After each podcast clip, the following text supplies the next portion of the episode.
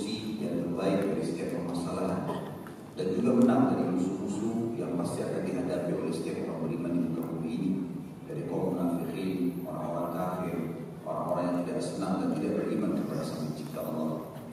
Mengucapkan satu kali salam salam hormat kepada manusia terbaik ini langsung dibalas oleh Allah sepuluh kali tambahan rahmat dan rahmat ini berarti diberikan karunia, diberikan solusi dari masalah hidupnya, ditambahkan segala kebutuhannya, dilimpahkan apa pun yang dia butuhkan maka sangat wajar kalau kita selalu membacakan salawat dan taslim kepada Nabi Muhammad sallallahu alaihi wasallam. Lanjutkan kajian seluruh kita saudara musliman dan kita pada pagi ini insya Allah juga sama malam nanti kita akan lanjutkan dan kita akan buka pagi ini dengan perang Khaybar. Satu peperangan yang sangat luar biasa dalam sejarah hidup Nabi alaihi wassalam. Dan tidak akan pernah dilupakan oleh orang-orang Yahudi. Dan sampai hari ini masyarakat Palestina dan negeri Syam sering melantunkan syair yang mereka mengatakan Khaybar Khaybar ya Yahud Jaish Muhammad Sawfa Yahud Ingatlah ingatlah wilayah Khaybar ya Yahud karena tentara Muhammad akan kembali menyerang kalian seperti Imam Khaybar itu sejarah yang luar biasa. Dan teman-teman sekalian kita akan mulai dari mengingatkan kembali sebelum terjadinya perang Khaybar. Ada kesepakatan Hudaybiyah dan sudah kita jelaskan panjang lebar tentang kesepakatan Hudaybiyah pada pertemuan kita yang lalu. Tidak kurang dari 4 jam lebih atau mungkin kontinu dari pagi sampai uh, siang kemudian malam kita lanjut lagi bagaimana setelah kesepakatan Hudaybiyah Muslimin memiliki di antara poinnya perdamaian dengan Quraisy 10 tahun. Tidak ada peperangan. Dan ternyata ini sangat membantu Muslimin untuk bisa mengekspansi Islam itu. Bagaimana agama Allah ini disebarkan tanpa ada gangguan dari Quraisy. Dan memang ternyata gangguan paling besar selama dakwah Nabi SAW sebelum kesepakatan Hudaybiyah adalah orang-orang Quraisy karena mereka sangat membenci Nabi alaihi salatu wasallam. Entah kenapa, tapi yang jelas kesimpulan sederhana adalah gangguan syaitan. Karena Nabi SAW sudah sering kali menyampaikan ayat-ayat Allah kepada mereka, bahkan ada di antara tokoh-tokoh Quraisy yang berkata, kenapa kalian tidak biarkan Muhammad? Kalau kalian tidak suka, tak usah ikut. Tapi kalau dia menang, benar yang dia sampaikan. Maka kalian juga harus kalau dia dibunuh oleh musuh-musuhnya itu juga kalian inginkan. Biarkan. Tapi tetap saja mereka tidak mau. Setelah kesepakatan Hudaybiyah dan ada damai dengan Quraisy 10 tahun, kita akan lihat dari tahun itu, dari kesepakatan Hudaybiyah sampai nanti pembebasan kota Mekah. Kurang lebih berjalan hanya 3-4 tahun saja. Kesepakatan 10 tahun, tapi nanti ada pengkhianatan sehingga Nabi SAW ingin menyerang Mekah. Dan dengan perdamaian ini luar biasa. Islam akhirnya menyebar ke seluruh Jazirah Arab termasuk takutnya kota Mekah nanti setelah kasus Khaybar dan juga bagaimana dikuasai oleh Nabi SAW wilayah Tabuk yang dikuasai oleh Izan bin Muawiyah yang pada saat itu termasuk wilayah ibu kotanya orang-orang Romawi yang mereka tidak mau keluar dan Nabi SAW menunggu di sana dan akan kita bahas insya Allah pada pertemuan-pertemuan akan datang SAW menguasai wilayah tersebut tanpa ada perlawanan sedikit pun dari negara dikuasa terbesar di zaman itu tentu. Nabi SAW teman-teman sekalian tidak pernah mengiklankan tentang peperangan beliau secara khusus akan pergi ke mana, akan melawan siapa kecuali dua peperangan. Perang Khaybar ini dan juga perang Tabuk nantinya. Ini dua peperangan saja yang Nabi alaihi wasallam khusus mengiklankannya. Dan ini tentu ada maksud dan tujuan agar menjelaskan kepada musuh yang akan didatangi kalau kalian pasti kalah. Ini memang sudah terbukti. Selama ini Nabi SAW kalau berperang beliau selalu merahasiakan. Tidak ada yang tahu kecuali panglima-panglima perang saja. Pasukan tinggal ikut jihad, jihad ikut semuanya. Ke mana arah Nabi SAW jalan di mereka ikut. Kalau yang dipikir oleh Nabi SAW, nanti kadang-kadang Nabi SAW atau strateginya sering ingin mendatangi sebuah tempat, beliau datang ke arah tempat ternyata bukan ke sini Sampai pasukannya mengatakan mungkin Nabi SAW ingin menyerang suku ini. Dan begitu dekat, beliau mengalihkan ke arah yang lain, timur ke barat, kemudian menyerang wilayah yang lain. Sebagaimana nanti kita akan lanjutkan untuk pembahasan kota Mekah begitu. Beliau tidak langsung mengiklankan akan ke Mekah, tapi beliau mendatangi wilayah yang cukup jauh, Hawazin, arah Hawazin, kota Taif.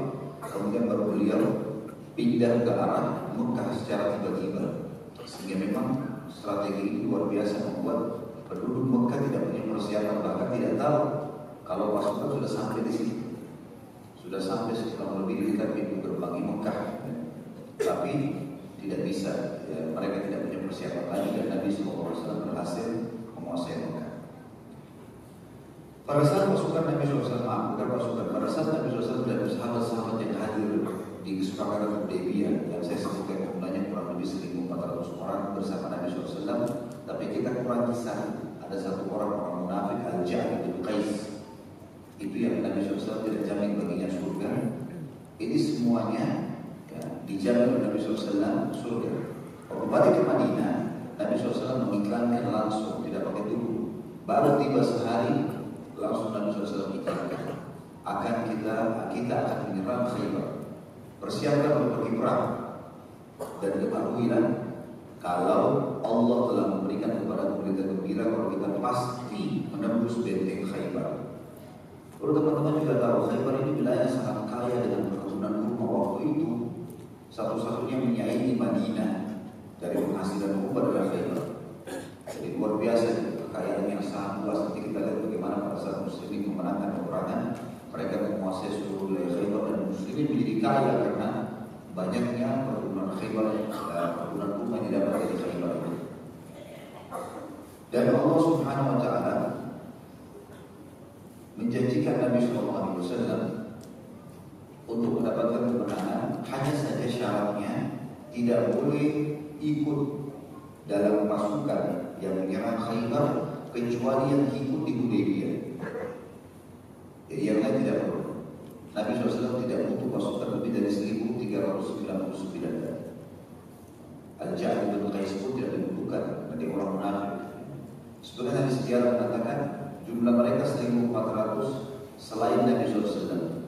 Maka 1400 dengan Nabi SAW. Al-Ja'ad bin Qais dikeluarkan berarti memang 1400 jumlah mereka. Pada saat itu kaum munafikin dan juga beberapa masyarakat Badui mendatangi Nabi SAW karena mereka tahu Nabi SAW kalau menyebutkan kami akan menang, kami akan begini, kami akan begini, pasti benar. Mereka tahu, subhanallah, tapi tidak tahu kebenaran. Maka mereka tahu kalau janji Allah kepada Rasulnya Nabi SAW tidak akan menembus Khaybar dan mereka tahu wilayah Khaybar itu wilayah yang sangat luas, kaya, banyak emas, banyak perak, banyak perkebunan, rumah, banyak peternakan yang orang-orang Yahudi Yahudi punya di sana banyak sekali benteng-benteng dan setiap benteng memiliki komunitas yang sangat besar. Baru dari harta benda besar sekali keuntungan yang didapatkan, belum lagi dari tawanan perang. Maka mereka mendatangi Nabi SAW dan mereka mengatakan, Ya Rasulullah, sungguh kami tadinya tidak ikut di Hudaybiyah karena kami terfitnahkan oleh anak-anak dan keluarga istri anak kami. Maka kami tidak sempat ikut Hudaybiyah. Sekarang izinkan kami mendampingi Anda. Dan kami sangat ingin mengharapkan pahala jihad juga mati syahid. Nabi SAW mengatakan baiklah kalau begitu. Tapi dengan syarat ikut jihad boleh, tapi tidak ada ghanimah. Kalau kita menang nanti, yang dapat ghanimah hanya itu di Hudaybiyah. Kalian ikut boleh jihad, cari pahala jihad, mati syahid boleh. Tapi tidak ada ghanimah. Ternyata semua orang munafik dan orang baru ini tidak ada ikut. Karena tujuan mereka apa? Ghanimah. Ya. Allah Subhanahu wa taala menceritakan tentang kejadian tadi juga memberitakan tentang kesepakatan Hudaybiyah beserta efek-efek positifnya serta berita gembira akan adanya kemenangan-kemenangan besar setelah pembebasan Khaybar nanti seperti pembebasan kota Mekah, seperti terjadinya perang Hunain, dikalahkannya suku Hawazin, suku yang sangat besar dan akhirnya habis habislah penyembah berhala setelah Mekah dan Hunain ini takluk dan juga e, tentunya setelah itu berbondong-bondongnya suku-suku Arab untuk datang masuk Islam sebelum meninggal Nabi alaihi salatu wassalam. Allah ceritakan dalam surah Al-Fatih surah nomor 29 ayat 15 sampai ayat 29. A'udzu billahi minasyaitonir rajim سيقول سيقول المخلفون إذا انطلقتم إلى مغانم لتأخذوها ذرونا نتبعكم يريدون أن يبدلوا كلام الله قل لن تتبعونا كذلكم قال الله من قبل فسيقولون بل تحسدوننا بل كانوا لا يفقهون إلا قليلا Orang-orang Badui yang tertinggal itu akan berkata, apabila kamu berangkat untuk mengambil barang rampasan perang, biarkanlah kami, niscaya kami akan mengikuti kalian. Mereka hendak merubah janji Allah. Maksudnya mereka seakan-akan mengubah kalau orang kafir, orang munafik itu akan disembunyikan kedoknya. Padahal Allah akan membongkar mereka. Katakanlah, kalian sekali-kali tidak boleh mengikuti kami. Demikian Allah telah menetapkan sebelumnya. Mereka akan mengatakan sebenarnya kalian hanya dengki kepada kami. Bahkan mereka tidak mengerti melainkan sedikit sekali. Jadi orang-orang munafik itu dilarang ikut oleh Nabi SAW. Kalau mau pahala jihad boleh, tapi tidak ada ghanimah. Maka jawaban mereka apa? Kalian cuma hasut kepada kami. Kalian tidak mau kami dapat ghanimah. Padahal Allah SWT mengatakan sudah keputusan Allah tidak boleh ikut perang Khaybar kecuali hadir di Hudaybiyah saja. Ayat selanjutnya, ayat 30-nya. Ini ayat 16, tadi itu ayat 15. Allah berfirman, "Kul lil mukhallafina min al-a'rab satud'auna ila qaumin uli ba'sin syadid, uli ba'sin syadid tuqatilunahum aw yuslimun, fa in tuti'u yu'tikum Allah ajran hasana." وإن تتولوا كما توليتم من قبل يعذبكم عذابا أليما Katakanlah kepada orang-orang Badui yang tertinggal yang tidak ikut di Hudaybiyah, kalian akan diajak untuk memerangi kaum yang mempunyai kekuatan yang besar. Kalian akan memerangi mereka dan mereka akan menyerah musuh Islam. Jika kalian mematuhi ajakan itu, niscaya Allah akan memberikan kepada kalian pahala yang baik. Dan jika kalian berpaling sebagaimana kalian telah berpaling sebelumnya, niscaya dia Allah akan mengadab kalian dengan adab yang pedih. Sekarang untuk membalas kebodohan kalian tidak hadir di Hudaybiyah, tidak ikut umroh bersama Nabi Shallallahu Alaihi Wasallam pada saat itu, tidak ikut di perang-perang sebelumnya dengan banyak alasan fitnah lah, inilah, itulah segala macam. Mereka tidak bisa tinggalkan pekerjaan, tidak bisa tinggalkan keluarga. Bisa diobati dengan cara ikut sekarang. Tebus khaybar ini. Tapi di sana banyak orang-orang yang kuat-kuat siap untuk menghadapi ini. Cari pahala jihad, tapi tetap tidak ada ghanimah untuk menembus kesalahan-kesalahan kalian yang lalu.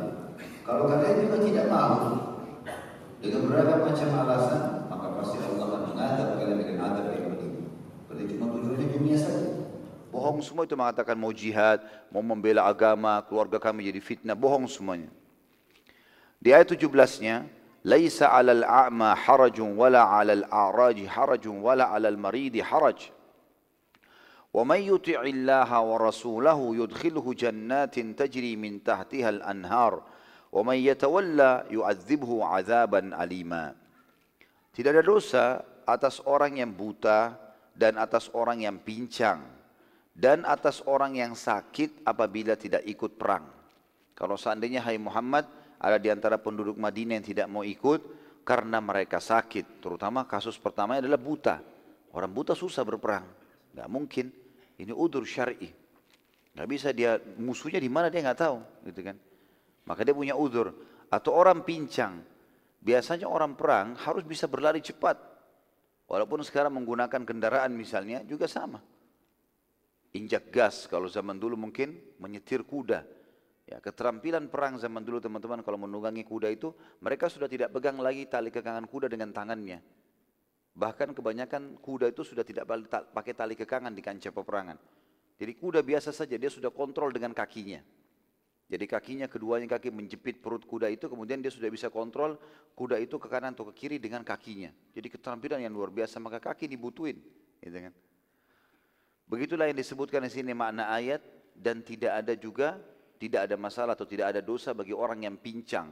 Artinya tidak bisa kontrol lari kudanya dia berlari membela menyerang musuh gitu kan. Dan juga orang yang sakit secara umum yang dimaksud sakit secara umum adalah sakit yang membuat dia tidak bisa ikut Ya, misalnya kalau kita sekarang stroke ya, kalau cuma flu, demam, ini kalau alasan munafik ini. Hmm. Kata Allah barang siapa yang taat kepada Allah dan Rasulnya, niscaya Allah akan memasukkannya ke dalam surga yang mengalir di bawahnya sungai-sungai. Dan barang siapa yang berpaling, niscaya akan diazabnya dengan azab yang pedih. Kata sebagian ulama tafsir kalau sudah jelas-jelas ada panggilan jihad, depan matanya dan bersifat fardu ain dan dia menolak, dipastikan dia tidak ada opsi. Ikut perang dapat pahala besar dan mati syahid atau dia akan diadab dengan Allah adab yang pedih. Tidak bisa sama sekali nolak. Karena memang tidak ada dalam jiwa seorang muslim sifat pengecut. Dan kita dianjurkan agar selalu meminta kepada Allah dihilangkan sifat pengecut. Di antara doa Nabi SAW, Ma'udhu bika minal jubni wal bukhul. Ya Allah jauhkanlah kami dari sifat jubun. Jubun itu artinya pengecut. Kemudian Allah menyebutkan di ayat 18-nya, "Laqad radiyallahu 'anil mu'minina idh yubayyi'unaka tahta asy-syajarati fa'alim ma fi qulubihim fa'anzala as-sakinata 'alaihim wa 'atsabahum fathan qariba." Sesungguhnya Allah telah ridha. Ridho artinya ridho itu teman-teman istilah digunakan dalam bahasa Arab kalau seseorang sudah sangat puas. Jadi kalau kita berikan orang miskin sesuatu, misal dia butuh satu juta, kebutuhan utang misalnya, anaknya sakit atau apa saja, lalu kita bantu 100 ribu, masih biasa, orang masih butuh. Kalau kita kasih sejuta pun pas-pasan, itu masih dikatakan pemberian. Tapi kalau seseorang misalnya didatangi oleh orang lain, saya butuh satu juta rupiah, betul-betul itu pas untuk bayar rumah sakit misalnya. Lalu kita kasih dua juta di atas dari kebutuhan dia. Ya udah sejuta pakai, sejutanya lagi silakan untuk kebutuhan misalnya. Maka itu akan membuat dia ridho Ridho itu puas dengan pemberian karena di atas daripada kebutuhannya. Itu makna letter letternya ridho. Jadi misalnya makna hadis ridho Allah berada pada ridho kedua orang tua. Seperti apa itu? Berarti kita harus memberikan kepada orang tua kita apa yang di atas kebutuhan mereka. Maka itu berdatangkan ridhonya Allah subhanahu wa ta'ala. Maka Allah akan memberikan juga kepada kita sesuatu yang membuat kita puas karena di atas kebutuhan. Allah telah ridho, artinya Allah betul-betul sudah akan memberikan yang terbaik kepada semua orang mukmin yang telah berjanji setia kepadamu di bawah pohon. Masih ingat kasus bayat Ridwan? Ingat gak? Senyap betul ini hari ini. Ya. Entah kenapa. Hari ini diadem-adem gitu ya. Apa karena saya telat tadi setengah jam? Ngambek gitu. Baiklah. Yang jelas teman-teman sekalian, bayat Ridwan terjadi. Masih ingat waktu itu waktu Nabi SAW negosiasi sama orang-orang Quraisy di kesepakatan Hudaybiyah tapi mereka tidak mau. Selalu saja curiga dengan Nabi SAW. Maka Nabi memanggil Umar bin Khattab. Lalu berkata, Hai Umar, saya akan mengutusmu menemui Abu Sufyan di Mekah. Temuin tuh Abu Sufyan. Lalu negosiasi langsung. Kita mau umrah, nggak mau apa-apa kok. Jelas-jelas ada hadyu, ada banyak hewan-hewan kurban yang kita bawa. Ngapain mereka larang kita masuk? Kata Umar, ya Rasulullah, anda tahu bagaimana permusuhan saya sama Quraisy. Ini kalau saya datang, bahasa uh, terjemahan saya nih ya, Umar saya kena mengatakan, ya Rasulullah, kalau saya datang ke sana, kemudian saya ditolak, ini perang antara saya sama Quraisy. Biar saya sendiri saya lawan tuh. Maka lebih baik jangan saya Rasulullah. Cari orang dari suku Umayyah, sukunya Abu Sufyan. Ya mungkin lebih tenang, jangan kayak saya, saya emosional. Maka kata Nabi SAW, siapa itu hai Umar? Kata Umar, Uthman bin Affan. Uthman bin Affan juga suku Umayyah, satu suku sama Abu Sufyan. Dan orangnya lebih tenang, tidak emosional. Kata Nabi SAW, baiklah. Dipanggil Uthman, Uthman diutus ke sana. Rupanya waktu Abu Sufyan lihat, Abu Sufyan ngobrol-ngobrol sama Uthman bin Affan, akhirnya sampai Uthman bin Affan telat kembali ke pasukan eh, ke, ke perkemahan muslimin telat ke eh, perkemahan muslimin sehingga Nabi SAW khawatir jangan sampai Uthman bin Affan sudah dibunuh. Maka beliau pun berdiri di bawah sebuah pohon, kemudian beliau mengambil bayat, perjanjian setia. Semua muslim di situ, semua sahabat salaman dengan Nabi SAW, ya, kemudian mengatakan, Ya Rasulullah, hidup mati saya untuk Allah dan Rasulnya. Perintahkan apa saja kami ikut. Selesai, nggak ada keraguan. Kan. Maka diambillah bayat satu persatu. Dan kita, sudah kita ceritakan pada pertemuan yang lalu sebenarnya masalah ini. Saya reviewkan. Salaman semuanya. Lalu setelah salaman semuanya, setelah selesai 1398 orang. Waktu itu yang salaman. Karena ada Uthman bin Affan di Mekah. Sama Uthman bin Affan berarti 1399. Dan ada satu orang munafik Al-Ja'ad bin Qais yang tidak mau membaiat Nabi SAW. Setelah 1398 tadi membayat Nabi SAW meletakkan tangan kanan beliau kemudian dipegang oleh tangan kiri beliau lalu beliau berkata ini adalah tangannya Uthman bin Affan. Maka para sahabat berkata tentu saja tangan kiri Nabi SAW memegang tangan kanan beliau lebih kami cintai daripada tangan kami menyentuh tangan Nabi SAW. Artinya kemuliaan ini bagi Uthman bin Affan. Dia lagi di Mekah tapi Nabi SAW membayatnya. Lalu kata Nabi SAW, kalian semua pasti masuk ke dalam surga. Pasti, dijamin. 1398 orang. Kecuali orang yang sembunyi-sembunyi di belakang unta merah. Rupanya si Ja'ad bin Qais itu, dia supaya tidak bayat, dia lihat orang banyak ribuan, dia sembunyi-sembunyi di belakang unta. Dia pikir Nabi SAW tidak tahu. Nabi bilang, kalian semua masuk surga kecuali itu tuh, yang sembunyi di belakang unta merah. Gitu kan? Inilah makna ayat 18 Al-Fatih Allah telah ridho terhadap orang-orang mukmin ketika mereka berjanji setia kepadamu di bawah pohon. Karena kalau antum tidak tahu kisahnya, antum baca ayat ini dalam Al-Quran, tidak ngerti apa kasusnya ini. Apa yang dimaksud dengan di bawah pohon. Ya. Maka Allah mengetahui apa yang ada dalam hati mereka.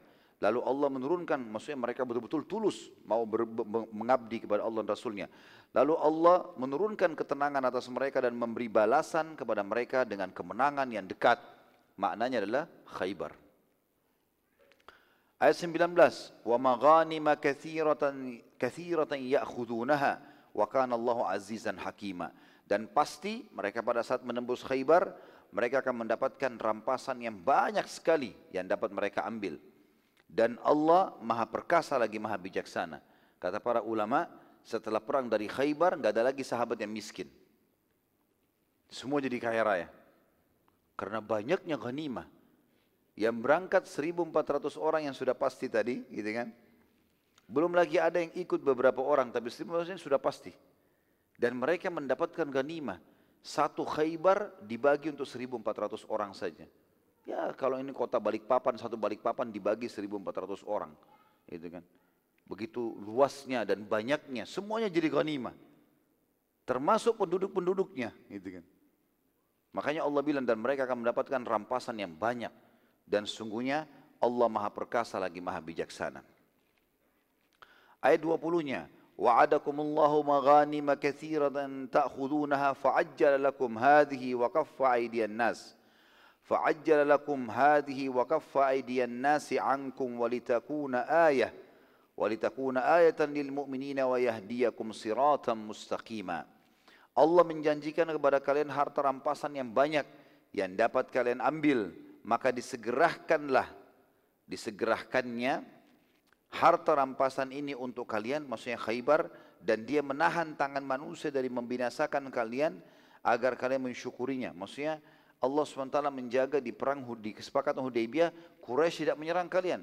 Kalau masih ingat teman-teman saya jelaskan di kesepakatan Hudaybiyah, jumlah muslimin 1400 orang. Pasukan Quraisy berkemah di depan kemahnya muslimin 3000 orang. Artinya mereka bisa menyerang muslimin pada saat itu.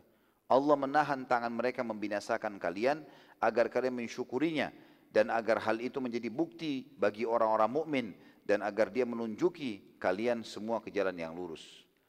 Ayat 21-nya. Wa ukhra lam taqdiru 'alaiha qad ahata Allahu biha wa kana Allahu ala kulli syai'in qadira. Dan telah menjanjikan pula kemenangan-kemenangan yang lain atas negeri-negeri yang kalian belum dapat menguasainya yang sungguh telah Allah Allah telah menentukannya dan Allah Maha Kuasa atas segala sesuatu. Sebagian ulama tafsir mengatakan dimaksud dengan dan kota atau negeri yang belum kalian kuasai nanti kita bahas adalah kota Taif. Jadi setelah pembebasan kota Mekah, nanti ada perang Hunain. Hunain itu sebuah lembah antara Mekah sama Taif. Setelah berhasil menang di, di Hunain, mengalahkan suku Hawazim, lalu Nabi SAW menyerang, mengepung uh, kota Taif. Kota Taif sebenarnya lebih lebih lebih rendah kekuatannya dibandingkan kota Mekah. Tapi subhanallah Allah masih belum izinkan. Makanya Allah turunkan ayat ini. Dan ayat ini juga akan kita ulangi nanti di pembebasan kota Mekah dan juga pembebasan atau penyerangan kota Taif. Kemudian ayat 22-nya, "Walau qatalukumul ladina kafaru lawallaul adbara thumma la yajiduna waliyan wala nasira." Dan sekiranya orang-orang kafir itu memerangi kalian, pastilah mereka berbalik melarikan diri ke belakang atau kalah. Kemudian mereka tidak memperoleh pelindung dan tidak pula penolong. Dipastikan oleh Allah SWT di ayat 22 ini teman-teman sekalian surah Al-Fatih.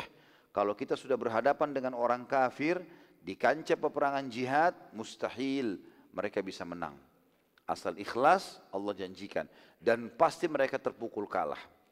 Kecuali dalam satu keadaan. Memang dalam pasukan muslimin tersebar maksiat.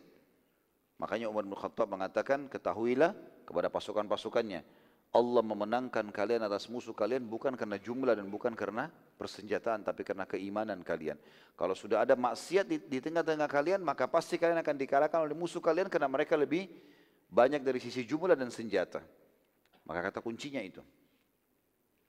Kemudian juga dalam ayat 23-nya Allah bilang, Sunnatullahi allati qad khalat min qabl, walan tajida li sunnatillahi tabdila sebuah atau sebagai suatu ketetapan yang telah berlaku sejak dahulu, maka kalian sekali-kali tidak akan menemukan perubahan bagi ketetapan Allah itu.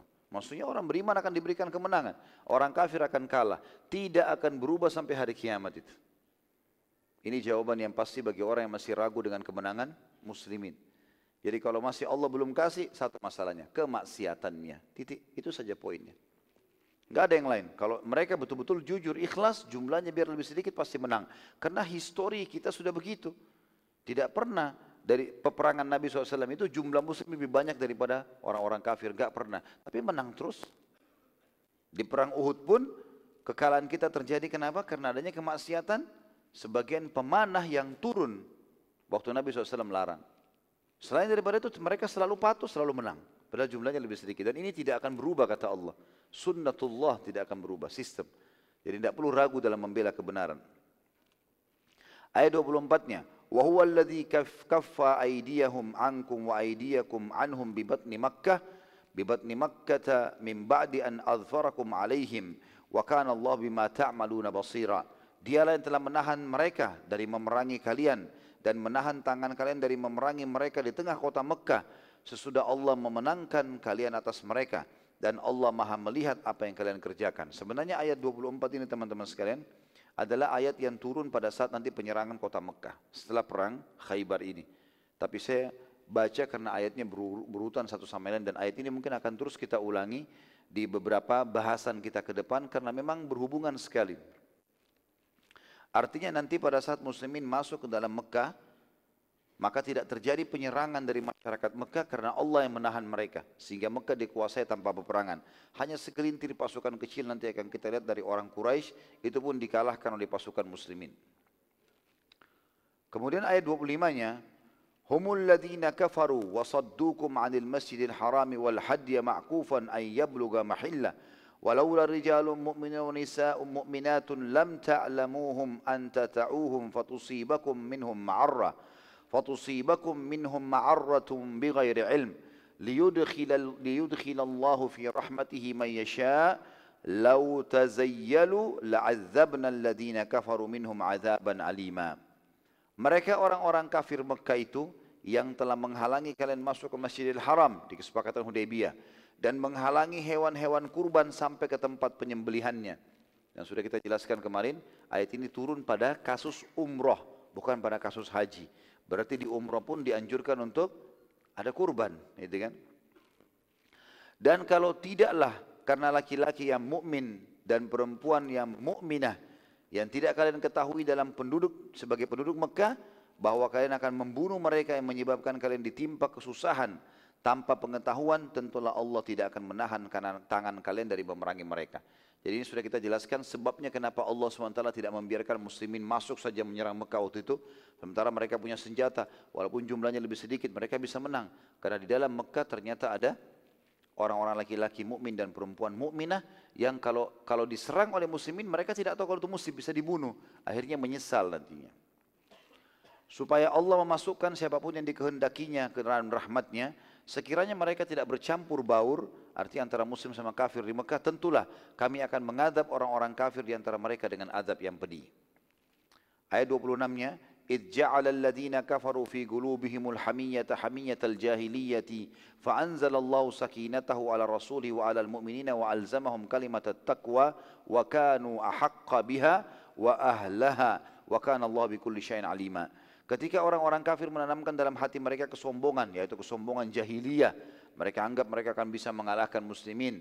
Lalu Allah menurunkan ketenangan kepada Rasulnya di kesepakatan Hudaybiyah dan kepada orang-orang mukmin dan Allah mewajibkan kepada mereka kalimat tauhid atau menanamkan kalimat tauhid dalam hati sahabat dan mereka berhak dengan kalimat tauhid itu dan pasti dan patut memilikinya dan Allah Maha mengetahui segala sesuatu. Itu ini ayat 27, ayat 28, ayat 29 teman-teman sekalian sudah kita bahas pada pertemuan yang lalu. Saya cukupkan sampai ayat 26, nanti kita bahas lagi insya Allah pembebasan kota Mekah sampai ayat 29-nya. Kita masuk teman-teman sekalian ke pembebasan Khaybar ini. Sebenarnya tujuan utamanya adalah menghancurkan tanda kutip di sini otak ya yang memicu terkumpulnya pasukan Ahzab. Kalau kita review lagi kembali sebelumnya, sebelum kesepakatan Hudaybiyah ada perang Ahzab. Ya. Bagaimana otak sebenarnya itu adalah suku Nadir dan suku Kainuqa. Dua-duanya suku Yahudi yang pernah diusir Nabi SAW dari Madinah. Mereka menjadi otak, terutama suku Nadir. Mereka lah yang mengajak suku-suku Arab termasuk Quraisy untuk memerangi Madinah pada saat itu. Maka Nabi SAW menyerang dua suku ini karena memang kasusnya mereka otaknya. Tentu suku Nadir ini dipimpin oleh Kanana bin Abi Hukaik dan juga Kainuqa dipimpin oleh Shallam Salam ibn Mushkim. Ya, dua-duanya nanti akan terbunuh ini orang. Nabi SAW lalu bergerak dengan semua yang telah ikut di kejadian Hudaybiyah, kecuali beberapa orang saja yang tiba-tiba sakit pada saat masuk kota Madinah, maka Allah pun memaafkan mereka sebagaimana tadi sudah dijelaskan dalam surah Al-Fatih, surah nomor 29 ayat 17. Walaupun sebagian ulama mengatakan bahwasanya dimaksud dengan tidak ada beban hukum bagi orang yang buta, orang yang pincang ini adalah orang-orang yang dari Madinah yang baru mau ikut, bukan dari orang yang ikut di kesepakatan kesepakatan Hudaybiyah. Dan tepatnya terjadi pada bulan Muharram tahun 7 Hijriah, keluarlah pasukan muslimin dari Madinah. Bulan Muharram tahun 7 Hijriah. Tentu dalam tulisan saya ini saya sempat tuliskan uh, ada kisah tentang tiga suku Yahudi itu dan sudah pernah saya sampaikan bagaimana Kainuqa dikeluarkan dari Madinah, kemudian Nazir dikeluarkan dari Madinah dan juga Quraidah dikeluarkan dari Madinah. Ini saya tidak ulangi lagi. Yang jelas suku-suku ini akhirnya berkumpul di Khaybar semuanya. Di antara kisah yang perlu disebutkan adalah kisah seorang Yahudi yang bernama Abu Syaham. Abu Syaham ini, teman-teman sekalian, adalah orang Yahudi yang tinggal di Khaybar. Pada saat dia dengar bahwasanya muslimin akan keluar dan sengaja diiklankan, Khaybar sudah mendengarkan berita kalau mereka akan diserang. Maka ada satu orang Yahudi namanya Abu Syaham, dia menuntut hutangnya yang dimiliki oleh seorang sahabat kurang lebih lima dirham saja. Sahabat ini bernama Abdullah. Ia berkata, wahai Abdullah, kalau engkau mau keluar ke Khaybar, maka lunasi dulu utangmu. Abdullah lalu menjawab, sabar saja. Saat aku kembali dari pembebasan Khaybar, maka aku, aku pasti akan membayarmu. Jadi kebetulan Abu Syam ini tinggal di Khaybar. Dia tahu muslimin akan keluar sana dan akan menang. Maka dia tuntut, jangan keluar, kecuali kamu harus bayar utangmu dulu. Jadi ini sebuah hukum syari teman-teman sekalian. Tidak boleh pergi jihad kalau masih punya utang. Ya. Kecuali pemilik piutang mengizinkan walaupun itu orang kafir. Nggak bisa. Karena orang syahid diampuni semua dosanya kecuali utangnya. Maka tidak bisa sama sekali seseorang begini termasuk di sini kasusnya. Dan ini hadis sahih ya, menjelaskan masalah itu. Yahudi ini tahu kalau muslim akan keluar maka dia tuntut. Para sahabat seorang Abdullah sahabat Abdullah bernama namanya Abdullah jangan kau keluar kecuali kau harus bayar utangmu. Maka Abdullah pun melapor kepada Nabi saw kata Nabi saw lunasi utangmu. Lunasi utangmu gitu kan pada saat itu Abdullah mengatakan ya Rasulullah saya tidak punya sesuatu yang bisa saya lunasi utang saya jadi karena susahnya hidupnya pada saat itu ya maka Nabi SAW mengatakan lunasi walaupun kamu harus menjual bajumu maka dia pun akhirnya menjual bajunya dan betul-betul dia melunasi utangnya. Dalam riwayatnya dikatakan Nabi SAW memberikan kepadanya lima dirham, lalu dia bayar utangnya tersebut. Pada saat Abdullah balik dari pembebasan Khaybar, maka salah satu kerabat Abu Syaham tertawan, jadi tawanan perang, karena sudah menang muslimin. Gitu kan. Maka Abdullah menjual tawanannya itu kepada Abu Syaham dengan berlipat ganda dari jumlah utang dia dulunya. Dan akhirnya Abu Syaham pun menebus itu. Di Madinah pada saat itu teman-teman sekalian, sisa kaum Yahudi, ya, masih ada kaum Yahudi di Madinah pada saat perang Khaybar. Ada di antara mereka yang tetap masih mau tinggal di sekitar kota Madinah. Mereka mengirim seseorang ke suku Arab Badui. Ya. Sisa Yahudi, maaf, uh, orang-orang Yahudi ini mengutus seseorang Arab Badui dari suku Ashja' untuk menginformasikan kepada Yahudi Khaybar kalau muslimin akan menyerang mereka agar mereka bersiap-siap dan mata-mata ini berhasil ditangkap oleh muslimin. Abdullah bin Abi Salul, pimpinan orang Yahudi juga mengutus seseorang menginformasikan dan berhasil tiba di Khaybar sehingga kaum Yahudi di Khaybar segera mempersiapkan diri. Pasukan perang Khaybar segera diatur pada saat itu wanita dan anak-anak diamankan di benteng terkuatnya Yahudi. Pada saat itu kaum Yahudi bermusyawarah untuk mengambil keputusan yang tepat dalam menghadapi muslimin. Salam bin Mushkim, salah satu pimpinan Yahudi, ya, suku Kainuqa berpendapat, demi Allah tidak ada kaum yang diserang, lalu mereka beruntung. Jadi artinya pasti kita kalah kalau kita biarkan kita diserang. Bahkan kebanyakan mereka terkalahkan dan akhirnya terhina. Bagaimana kalau kita keluar saja menyerang Madinah dan menghadapi muslimin di luar Khaybar? Kalau kita kalah maka Khaybar tetap aman dan bisa menang maka muslimin tidak akan bisa menyerang Khaybar selama-lamanya. Namun umumnya orang Yahudi menolak pada saat itu pendapat Salam ibn Mushkim karena mereka takut dan mereka memilih untuk bertahan di benteng Khaybar.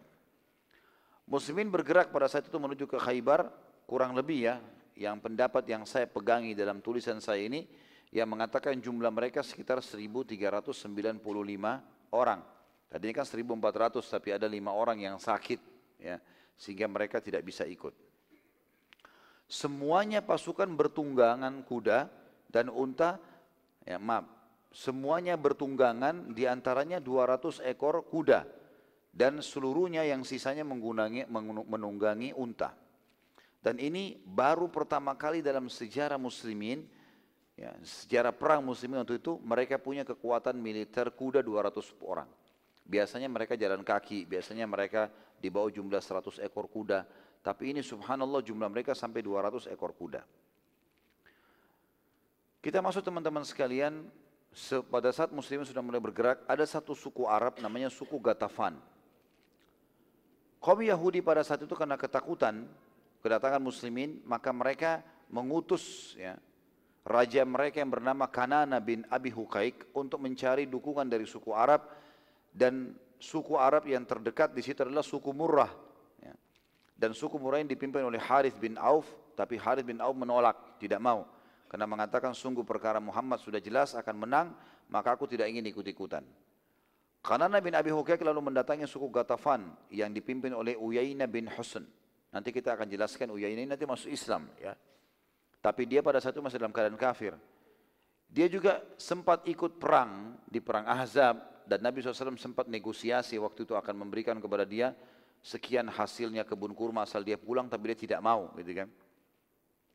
Pada saat itu akhirnya Yahudi mendapatkan dukungan dari Huyai Uyainah bin Husain ini dengan bayaran. Maka Uyainah bin Husain setuju dan mengirim seribu orang suku Gatafan untuk untuk menguatkan benteng Khaybar. Jadi sebenarnya di Khaybar sendiri itu ada sepuluh ribu pasukan perang, sepuluh ribu orang. Orang-orang Yahudi jumlahnya sepuluh ribu orang. Jumlah muslimin yang datang kurang dari 1400.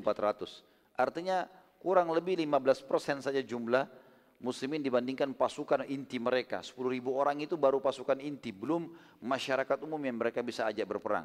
Tambah lagi Gatafan menambah, menambah seribu buat mereka, jadi 11 ribu orang. Itu, kan. itu pun mereka masih ketakutan. Pada saat mengirim seribu orang dari sukunya, Uyainah bin Husain didatangi oleh Harith bin Auf. Ya, tadi suku Murrah yang menolak untuk membantu Yahudi dan berkata, Jangan engkau ikut-ikutan membela Yahudi, hai Uyainah. Sungguh perkara Muhammad sudah terlihat, ia pasti menang. Uyainah menjawab, Muhammad tidak akan mampu menghadapi kami dan Yahudi. Kata Harith, demi Allah, aku telah mendengar dengan kedua kupingku ini, kalau Salam ibn Mushkim, pimpinan orang-orang Yahudi di Khaybar, berkata, sungguh akan terjadi pembantaian Yahudi dua kali. Sekali di Madinah, dan sekali lagi terjadi di Khaybar. Dan ini Khaybar yang akan diserang. Jadi sebenarnya orang Yahudi teman-teman tahu itu. Mereka tidak akan beriman kepada Nabi SAW di Madinah. Mereka tahu ada penjelasan dan mereka temukan itu ternyata dalam kitab mereka, dalam kitab Taurat, bahwasanya akan ada dari Bani Israel sekelompok mereka yang tinggal di tempat hijrahnya Nabi terakhir, lalu mereka tidak mau beriman, lalu mereka akan diusir dari kampung itu atau dari kota itu, itu Madinah. Dan mereka juga akan lari ke sebuah tempat namanya Khaybar, dalam kitab Taurat yang asli ada kalimat itu. Dan mereka pun akan dibantai lagi kedua kali di situ karena mereka tidak mau beriman. Mereka tahu tapi subhanallah tidak mau ikut. Uyainah berkata, apakah engkau mendengar dengan kupingmu sendiri? Jadi yang sampaikan ini adalah Harith tadi. Harith bin Auf, temannya, sama-sama kepala suku Arab. Kata Harith, iya. Uyainah berkata lagi, lalu kenapa kenapa kalau demikian Salam masih ikut ingin ikut berperang? Dia sudah tahu kejadian itu. Harith menjawab, karena ia mau membela kaumnya. Uyainah menjawab, aku juga akan tetap membela kaumnya. Ya. Jadi tentu saya kalau masih ingat teman-teman, Uyainah ini punya julukan kepala suku yang bodoh tapi dipatuhi. Jadi luar biasa, keputusannya aneh-aneh. Uyainah ini. Kalau masih ingat dulu waktu perang Ahzab kan begitu. Dinegosiasi supaya pulang saja, dikasih setengah hasilnya Madinah. Ya, pertama negosiasi seperti seperempat, sepertiga, sampai setengah, tapi dia nggak mau. Akhirnya waktu kalah, tidak dapat apa-apa. Pasukan Ahzab terbongkar gitu kan. Di sini tetap dia, dia masih ngotot. Sudah jelas-jelas dinasihati oleh temannya Harith bin Auf, jangan. Saya sudah dengar loh, orang Yahudi sendiri tahu mereka akan kalah. Tetap saja. Dia tanya, kenapa kalau begitu Salam bin Mushki masih mau ikut? Kalau dia sudah tahu dia akan dikalahkan. Kata Harith, karena dia mau bela sukunya saja. Tapi dia tahu dia kalah. Kata Uyainah, kalau gitu saya juga ikut-ikutan. Walaupun dia pasti kalah, saya juga mau ikut. Enggak apa-apa. Uyainah lalu berkata, tentu karena Uyainah dibayar ya. Pasukan bayaran, dibayar gitu. Apakah engkau, men, uh, maaf, yang perlu diketahui teman-teman sekalian di sini, Uyaina sempat mengutus ya. Sebentar saya tam. Uyaina adalah kepala suku yang sangat bodoh, tapi kaumnya sangat patuh padanya. Sampai Nabi SAW mengatakan tentang Uyaina, orang bodoh yang terpatuhi. Itu sebuah hadis yang sahih menjelaskan masalah itu. Uyaina lalu mengutus lagi tambahan pasukan ke Khaybar, bukan cuma seribu. Sejumlah empat ribu orang. Jadi total yang dikirim oleh Uyaina adalah lima ribu personil. Semuanya ahli perang.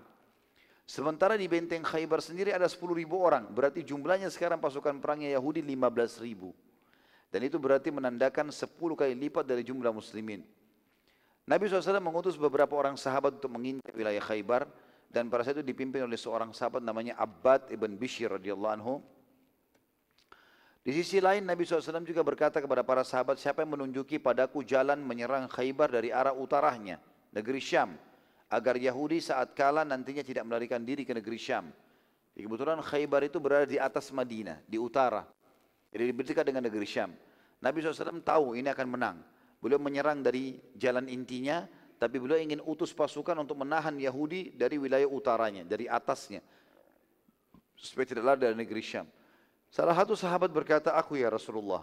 Maka majulah eh, atau maka Nabi SAW memerintahkan sahabat itu mengatakan baiklah ambil beberapa orang sahabatmu kemudian pergilah ke sana tahanlah wilayah utara eh, Khaybar supaya mereka tidak lari. Lalu Nabi SAW pergi menuju ke jalan intinya untuk menyerang Khaybar. Nabi SAW juga menitahkan agar pasukan jalan sejajar. Semua semuanya harus sama, sejajar, dibuat inti pasukan satu saja tidak terpecah-pecah dan tidak boleh ada yang mendahului satu sama yang lainnya. Setiap sab memanjang dan di belakangnya pun demikian. Jadi kotak saja. Ini strategi perang Nabi SAW yang beliau SAW berusaha agar kerugian bila terjadi pun maka sangat sedikit. Karena pasukan yang bersatu sulit untuk dikalahkan dan yang tersebar sulit mudah untuk diserang. Sementara berjalan demikian teman-teman sekalian, tiba-tiba Nabi SAW melihat ada seseorang yang mendahului pasukan. Ada satu orang ternyata sahabat keluar melewati Nabi SAW juga, gitu kan. Maka Nabi SAW memerintahkan agar orang tersebut dibawa kepada beliau dan ternyata dia adalah Abu Kabsh radhiyallahu anhu. Nabi SAW bertanya, mengapa engkau lakuin hai Abu Kabsh? Kenapa kau pergi duluan? Aku sudah melarang. Kenapa maju ke depan? Kata Abu Kabsh, wahai utusan Allah, aku tidak sengaja, tapi sungguh untaku ini sangat gesit dan aku tidak bisa menahannya. Maka Nabi SAW memerintahkannya kembali dalam pasukan. Dan dia pun akhirnya kembali. Saat akan tiba di Khaybar, tiba-tiba saja dari belakang muslimin muncul muncul Uyainah bin Muhsin atau bin Husun yang membawa 4000 personilnya. Jadi ternyata yang tadi yang 1000 sudah masuk di benteng Khaybar, yang 4000 yang disusul ini supaya jumlahnya mereka 5000 masih baru dari belakang. Jadi jumlah muslimin jalan ini 4000 di belakangnya. Jumlah muslim cuma 1400-an kurang lebih, ini 4000. Ini aja sudah sangat besar untuk melawan muslimin, apalagi kalau ya dari dalam benteng. Pada saat tiba di Khaybar, ya, tentu pasukan ini dibiarkan oleh Nabi SAW. Dibiarkan saja, tidak diperdulikan oleh Nabi SAW. Ya. Nabi lalu mengutus seseorang kepada Uyainah. Menanyakan, kenapa ikut-ikutan? Uyainah bilang, Yahudi Khaybar partnerku, sekutuku. Maka aku akan membela mereka. Nabi SAW berkata, wahai Uyainah, baliklah ke kaummu. Sungguh Allah telah menjanjikan padaku akan membuka Khaybar. Lalu Uyainah dengan sombongnya jawab, engkau tidak akan mampu membuka Khaybar, hai Muhammad. Demi Allah, engkau tidak akan mampu sama sekali dan pasti engkau dan pasukanmu hanya akan jadi hamba sahaya kami. Maka Nabi SAW lalu masih negosiasi sama Uyainah. Hai Uyainah, baliklah. Dan aku akan memberimu setengah setelah setelah hasil Khaybar ini selama satu tahun.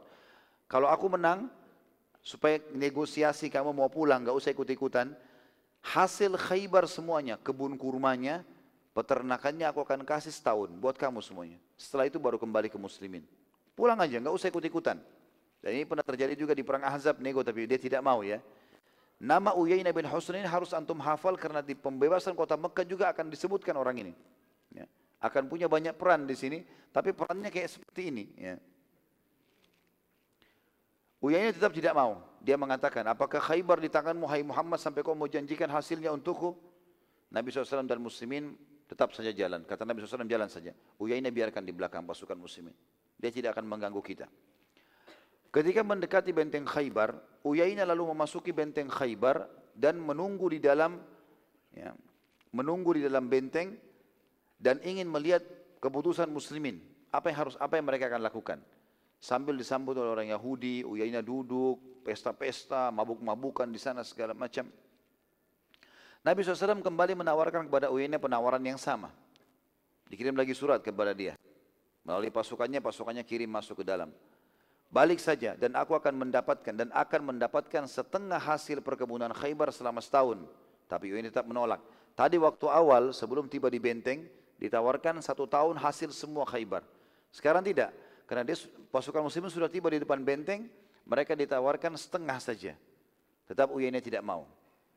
Sa'ad ibn Ubadah radhiyallahu anhu salah satu pimpinan Ansar di Madinah berkata pada Uyainah, ambil sekarang keputusan Nabi SAW sebelum engkau menyesal karena bila kami sudah membuka khaybar maka engkau tidak akan dapat apa pun kecuali hanya pedang-pedang kami.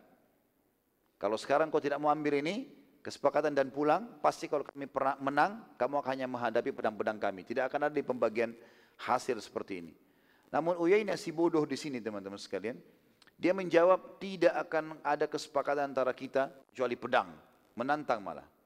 Saat Ibn Mubadah lalu membawa informasi tersebut kepada Nabi SAW, maka Nabi pun berkata, jalanlah terus dan bertawakal kepada Allah. Dia tidak akan menyusahkan kita. Pada saat itu terjadi sesuatu di pasukan Gatafan teman-teman yang berada di bagian depan. Entah apa yang dan dari mana pemicunya ini, yang jelas di pasukan depan ya tiba-tiba ada yang berteriak dan juga suara ini terdengar di kiri kanan pasukan, terdengar juga di belakang pasukan, di pasukan Gatafan yang 4000 ini. Ada suara yang mengatakan berteriak-teriak, selamatkan segera wanita dan anak-anak kalian. Gatafan telah diserang oleh musuhnya. Suara ini sangat jelas, tapi bukan dari muslimin. Karena muslimin ada di depan mereka jauh. Ini di pasukan mereka sendiri tersebar tiba-tiba gosip seperti itu. Dan mereka tidak tahu dari mana sumbernya. Tapi mereka yakin. Maka akhirnya 4.000 orang ini pulang ke Gatafan. Uyainah pun disampaikan, Uyainah lalu menarik seribu lagi orang pasukannya dari benteng Khaybar. Mereka dia bilang sama orang Yahudi, hai Yahudi, saya lagi diserang suku saya, saya akan tarik seribu ini. Setelah selesai saya lihat keadaan, saya akan kembali bawa lima ribu orang ini lagi. Pada saat itu orang-orang Yahudi mengatakan baiklah, yang jelas kami tunggu pasukanmu. Tiba di Gatafan, Gatafan cukup jauh. Gatafan ini mungkin perjalanan waktu itu dari Khaybar, waktu itu ya kurang lebih makan tujuh hari. Jadi untuk pulang ke sana itu tujuh hari. Maka dia pun pergi ke sana, dia pulang Gatafan. Waktu tiba di Gatafan ternyata nggak ada apa-apa. Mereka tanya, Uyani tanya, ada apa dengan kalian? Kata sukunya nggak ada apa-apa. Ada yang serang, nggak ada apa-apa. Gitu kan. Enggak ada apa-apa sama sekali. Maka akhirnya ini yang menjadi hikmah yang sangat besar kenapa Gatafan tidak ikut-ikutan menyerang muslimin. Entah mereka tidak tahu dari mana suara itu. Begitu yang dijelaskan di dalam buku-buku sirah. Waktu Gatafan sudah pulang teman-teman sekalian, Nabi SAW mulai pengepungan atau mengepung Khaybar. Kita masuk ke dalam kisah pengepungan Khaybar ini. Nabi SAW bersabda kepada para sahabat, siapa di antara kalian yang melantunkan syair penyemangat buat kami dan hewan-hewan tunggangan kami. Maka Amir bin Aqwa radhiyallahu anhu, Amir bin Aqwa radhiyallahu adalah orang yang terkenal sekali suaranya bagus sekali dan juga dia orangnya suaranya keras. Dia mengatakan aku wahai utusan Allah. Maka suara Amir pun ya pada saat itu dilantunkan dengan syair-syair motivasi saking indahnya suaranya sampai membuat hewan-hewan mereka terutama unta-untanya itu pada menegakkan tubuh-tubuhnya. Gitu kan. Pada peperangan ini juga Nabi SAW sempat mengirim 20 orang dari muslimah ikut untuk memasak dan merawat korban muslimin. Dan ini juga sebuah hukum syar'i kalau bolehnya membawa wanita di kancah peperangan. Tapi yang punya keterampilan masak dan merawat, bukan untuk ikut berperang. Di perang Khaybar, 1400 orang ini kurang lebih yang berangkat, Nabi SAW bawa 20 orang wanita. Para sahabat berada di atas unta pada saat itu. Maka unta-unta mereka pada saat mendengar suara Amir bin Aqwa radhiyallahu menggoyang-goyangkan kepala mereka hingga hampir saja para sahabat terjatuh. Maka Nabi SAW sempat bersabda kepada Amir, hati-hati dengan botol-botol kaca hai Amir. Lalu Nabi SAW menghadapkan menghadap ke arah Amir saya berkata semoga Allah merahmatimu. Maka Amir dengan girang berkata, sungguh telah diijabah wahai Allah, wahai utusan Allah. Jadi maksudnya begini teman-teman sekalian. Jadi saking suaranya Amir ini indah sekali. Termasuk dari 20 orang muslimah itu ada istri Nabi SAW. Gitu kan? Mereka duduk di atas unta dan unta ini punya geranda-geranda. Saking indahnya suara Amir maka unta-unta mereka ini menggoyangkan kepalanya. Dan akhirnya membuat goyang. Para wanita ini akhirnya goyang dan khawatir jatuh. Nabi SAW menyebutkan dan ulama hadis mengatakan dua makna. Makna yang pertama adalah Nabi menegur Aqwa di sini, ya. Amir bin Aqwa radhiyallahu anhu ini hanya menegur unta yang dinaiki oleh istri beliau. Beliau mengatakan hati-hati dengan botol kacaku, gitu kan. Makna yang lain ini lebih umum adalah hati-hatilah dengan botol-botol kaca. Yang dimaksud adalah para wanita muslimah. Dan memang wanita ini teman-teman digambarkan seperti botol ya. Kalau botol itu makin sering dilap, dijaga, dibersihkan maka makin ya eh, terah, makin cerah gitu kan. Dan sekali botol itu retak, susah untuk ditambal. Dalam pepatah juga dikatakan wanita ibaratnya cermin. Ya. Kalau engkau menjaganya maka dia akan mengkilat dan bila engkau retakkan maka sulit engkau untuk engkau menambalnya. Karena memang di dalam jiwa manusia tanda kutip ada sifat pendendam. Tanda kutip. Jadi sekali antum berbuat salah, dia akan mengenang seumur hidupnya. Walaupun kebaikan kita dilupain sama dia. Nah, itu sudah umum, gitu kan. Tapi ini penyampaian dari Nabi alaihissalatu wassalam. Kemudian sabda Nabi SAW kepada Amir bin Aqwa, semoga Allah merahmatimu, ada rahasia teman-teman sekalian. Jadi subhanallah tidak ada sahabat yang Nabi bilang semoga Allah merahmatimu di kancah peperangan, kecuali pasti dia mati syahid. Makanya Amir bin Aqwa mendengar itu, mengatakan karena indahnya suaranya, apa suara kamu ini, Masya Allah gitu. Lalu kata Nabi SAW, semoga Allah merahmatimu. Dia bilang, ya Rasulullah telah diijabah. Artinya apa? Memang itu yang saya harapkan. Doa Nabi SAW, semoga Allah merahmatimu, artinya pasti akan mati terbunuh. Pada saat pasukan muslimin tiba di Khaybar, Allah, zat yang maha perkasa, membuat seluruh Khaybar tertidur puas pada malam itu. Waktu pasukan muslimin tiba, semua satu Khaybar laki-laki, perempuan, pasukan perangnya, anak-anak, tertidur pada malam itu. Di awal malam, kalau kita waktu maghrib sudah tidur semuanya. Sehingga mereka tidak sadar kalau pasukan muslimin sudah tiba di situ. Juga perlu kita tahu ketahui keadaan Khaybar ini teman-teman sekalian. Mereka punya benteng-benteng, tembok-tembok yang tinggi untuk melindungi rumah-rumah mereka, peternakan mereka di dalam dan perempuan atau para wanita juga anak-anak mereka. Tapi perkebunan kurma mereka tidak bisa di dalam benteng perkebunan di luar benteng karena luas sekali perkebunan mereka. Maka perkebunan uh, kurma mereka berada di luar benteng. Perkebunan Yahudi dan perkebunan lainnya yang berada di luar benteng tersebut, ya, pada malam itu ditinggalkan oleh orang Yahudi. Sampai yang menjaga kebun-kebun pun mereka kembali ke benteng mereka. Entah apa hikmahnya biasanya mereka tidur di kebun-kebun mereka. Mereka masuk ke dalam benteng dan kebun mereka jadi kosong. Tidak ada sama sekali yang jaga. Maka pada saat itu pun Nabi SAW dan para sahabat menancapkan kemah-kemah mereka di sekitar perkebunan orang-orang Yahudi tanpa mereka sadari. Subhanallah malam itu seluruh Yahudi tertidur termasuk pasukan yang biasa menjaga benteng dan mengawasinya serta seluruh petani di kebun pun kembali ke benteng dan mereka tertidur. Pada pagi harinya Seluruh petani waktu mereka keluar ingin menuju ke kebun-kebun mereka, mereka terkagetkan pada saat melihat pasukan muslimin sudah ada di sekitar situ. Kemudian serentaklah para orang-orang kebun itu mengatakan kalimat karena waktu itu orang Yahudi pakai bahasa Arab ya. Mereka mengatakan wa khamis, wa khamis. Artinya ini pasukan musuh sudah tiba, itu istilahnya. Maka para sahabat pun bertakbir dan Nabi SAW juga ikut bertakbir bersama mereka seraya berkata, hancurlah khaybar, hancurlah khaybar. Sungguh kalau kami telah mendatangi sebuah tempat, maka pastilah kami akan menguasainya. Saat itu para sahabat segera mau menyerang, namun Nabi SAW melarang mereka. Lalu Nabi SAW memerintahkan agar para sahabat mengurangi suara takbiran mereka seraya bersabda, rendahkanlah suara kalian karena yang sedang kalian sebut tidak tuli Janganlah kalian berharap bertemu musuh, namun bila kalian bertemu berhadapan maka sabar dan kokohkanlah. Ini tanda kata para ulama sejarah awal kemenangan muslimin. Nabi SAW juga berdoa pada saat itu doa yang masyhur, Allahumma anta rabbuna wa rabbuhum nawasina wa nawasihim anta eh, taqtuluhum. Ya Allah engkau lah Tuhan kami dan Tuhan mereka ubun-ubun kami dan ubun mereka ada di tanganmu, sesungguhnya engkau lah yang akan membunuh mereka, ya. Dan eh, maaf, sesungguhnya yang membunuhnya, membunuh mereka adalah sesungguhnya membunuh mereka itu sesuai dengan keputusan dari tanganmu. Nabi SAW memastikan kepada para sahabat bahwa yang membunuh mereka bukanlah para sahabat tetapi Allah Subhanahu wa taala. Nabi SAW juga waktu itu teman-teman sekalian memerintahkan penjagaan dipimpin oleh Umar bin Khattab sepanjang hari 24 jam sampai pasukan akan memenangkan pasukan eh, peperangan nanti dan pengawasan segalanya berhubungan ya dengan pangan, kema, ya kebutuhan lo, eh, eh, logistiknya para mujahidin di tangan Uthman bin Affan. Nabi SAW juga lalu mengutus ke benteng Yahudi seorang sahabat yang menawarkan tiga hal kepada mereka. Masuk Islam dan mereka akan selamat atau jizya membayar upeti atau mereka akan diperangi. Lalu jawaban orang-orang Yahudi, kami akan memberikan jawaban kami sebentar lagi. Lalu utusan Nabi SAW pun balik ke, ke, ke, ke, ke kemah muslimin dan ternyata betul-betul tanpa disangka jawaban Yahudi datang.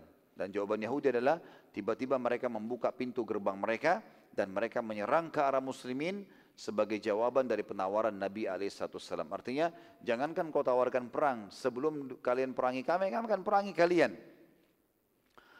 Pada saat itu muslimin berhasil melawan mereka dan pasukan Yahudi terpukul mundur. Hanya saja mereka berhasil kembali memasuki benteng dan menutup pintu gerbang. Jadi satu strategi yang mereka lakukan, mereka membiarkan muslimin tenang dulu. Seperti misalnya kalau kita lagi berada di depan benteng, kita bayangkan seperti itu. Kemudian kita coba tunggu musuh, keluar nggak nih? Mereka nggak buka-buka pintu gerbang, lama. Dalam kondisi pagi, mulai terik, mulai siang, mulai panas, pasukan mulai jenuh. Maka pada saat mereka lagi jenuh, Ya, semangat mereka tadi mau berperang mulai kendor, Yahudi tiba-tiba membuka pintu gerbang lalu keluar pasukan besar menyerang muslimin, gitu kan. Pada saat mereka terpukul mundur, mereka mundur masuk ke pintu gerbang lalu ditutup lagi kembali. Itu strategi mereka. Ya. Melihat kejadian tersebut, Nabi SAW pada saat itu sudah faham kalau ternyata jawaban Yahudi adalah perang. Maka beliau pun memerintahkan agar pohon-pohon kurma Yahudi ditebang dan pada saat itu tertebanglah kurang lebih 400 pohon kurma Yahudi. Tentu pohon kurma teman-teman sekalian sulit sekali ditanam ya, karena seperti kelapa. Kecil sampai membesarnya lama, berbuahnya pun lama, walaupun memang umurnya panjang setelah itu. Maka orang-orang Yahudi tahu bagaimana nilainya eh, kurma itu. Maka mereka melihat dari atas benteng-benteng mereka dan orang-orang ini cirinya sangat mencintai harta mereka melebihi keluarga mereka, melebihi agama mereka. Dalam kondisi mereka melihat ratusan pohon kurma mereka ditebangin, gitu kan. Maka orang-orang Yahudi ketakutan dan mereka berkata, bila Muhammad menebang pohon-pohon kurma kita, berarti walaupun kita menang nanti, akan habis juga harta kita semuanya. Maka lebih baik kita membayar jizya atau berdamai saja. Namun pada saat itu para pemimpin Yahudi menolak, tidak mau. Tentu di sini teman-teman sekalian perlu kita garis bawahi satu hal dulu. Tentu dalam Islam kalau kita lagi menyerang kita tidak boleh membakar, tidak boleh menebang pohon ya. Ada larangan itu.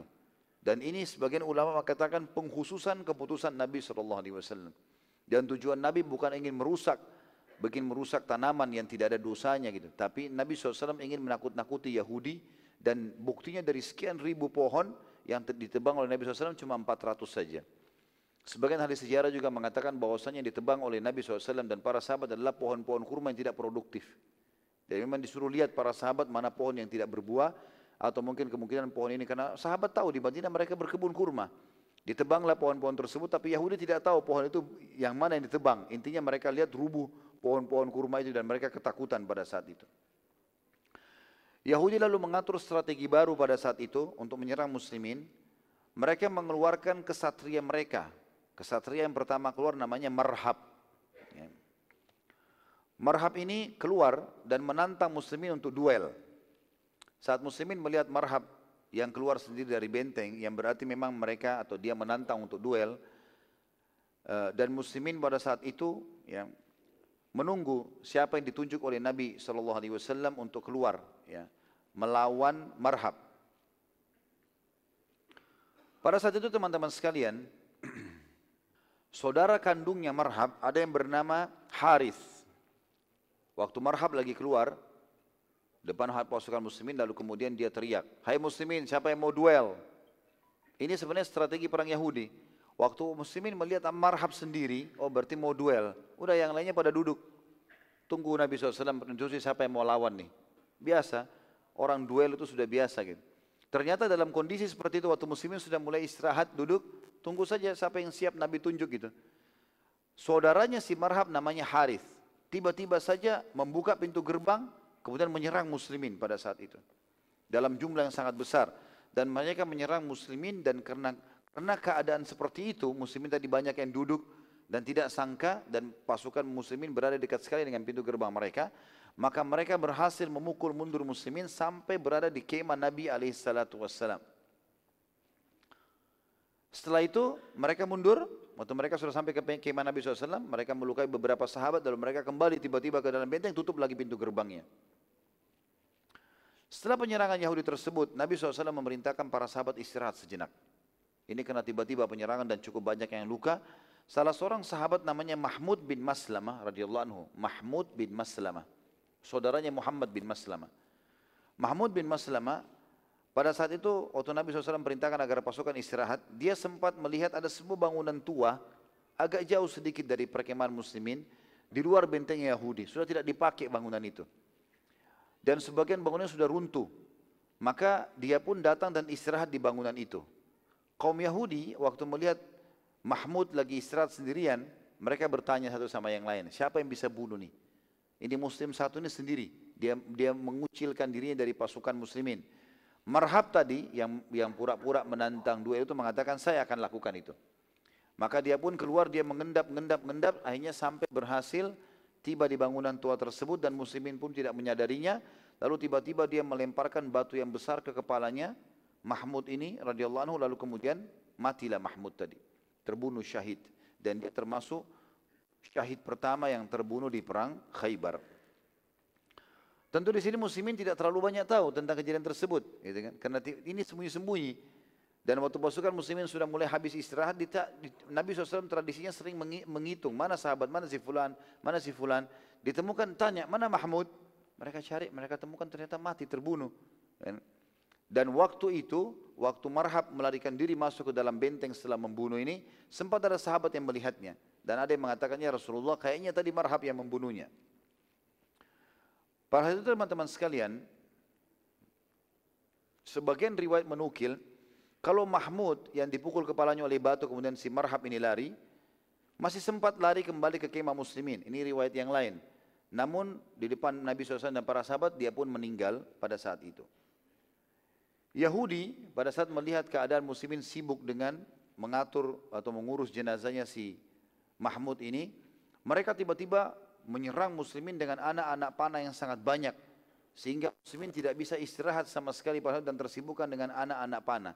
Jadi zaman dulu itu teman-teman kalau anak panah lagi dilemparkan, mereka nggak bisa sama sekali, nggak bisa nunggu di dalam benteng, tidak bisa berada di atas kuda, mereka cuma bisa duduk, tanamkan perisai di depannya sambil membukukan badan supaya anak panah nggak kena.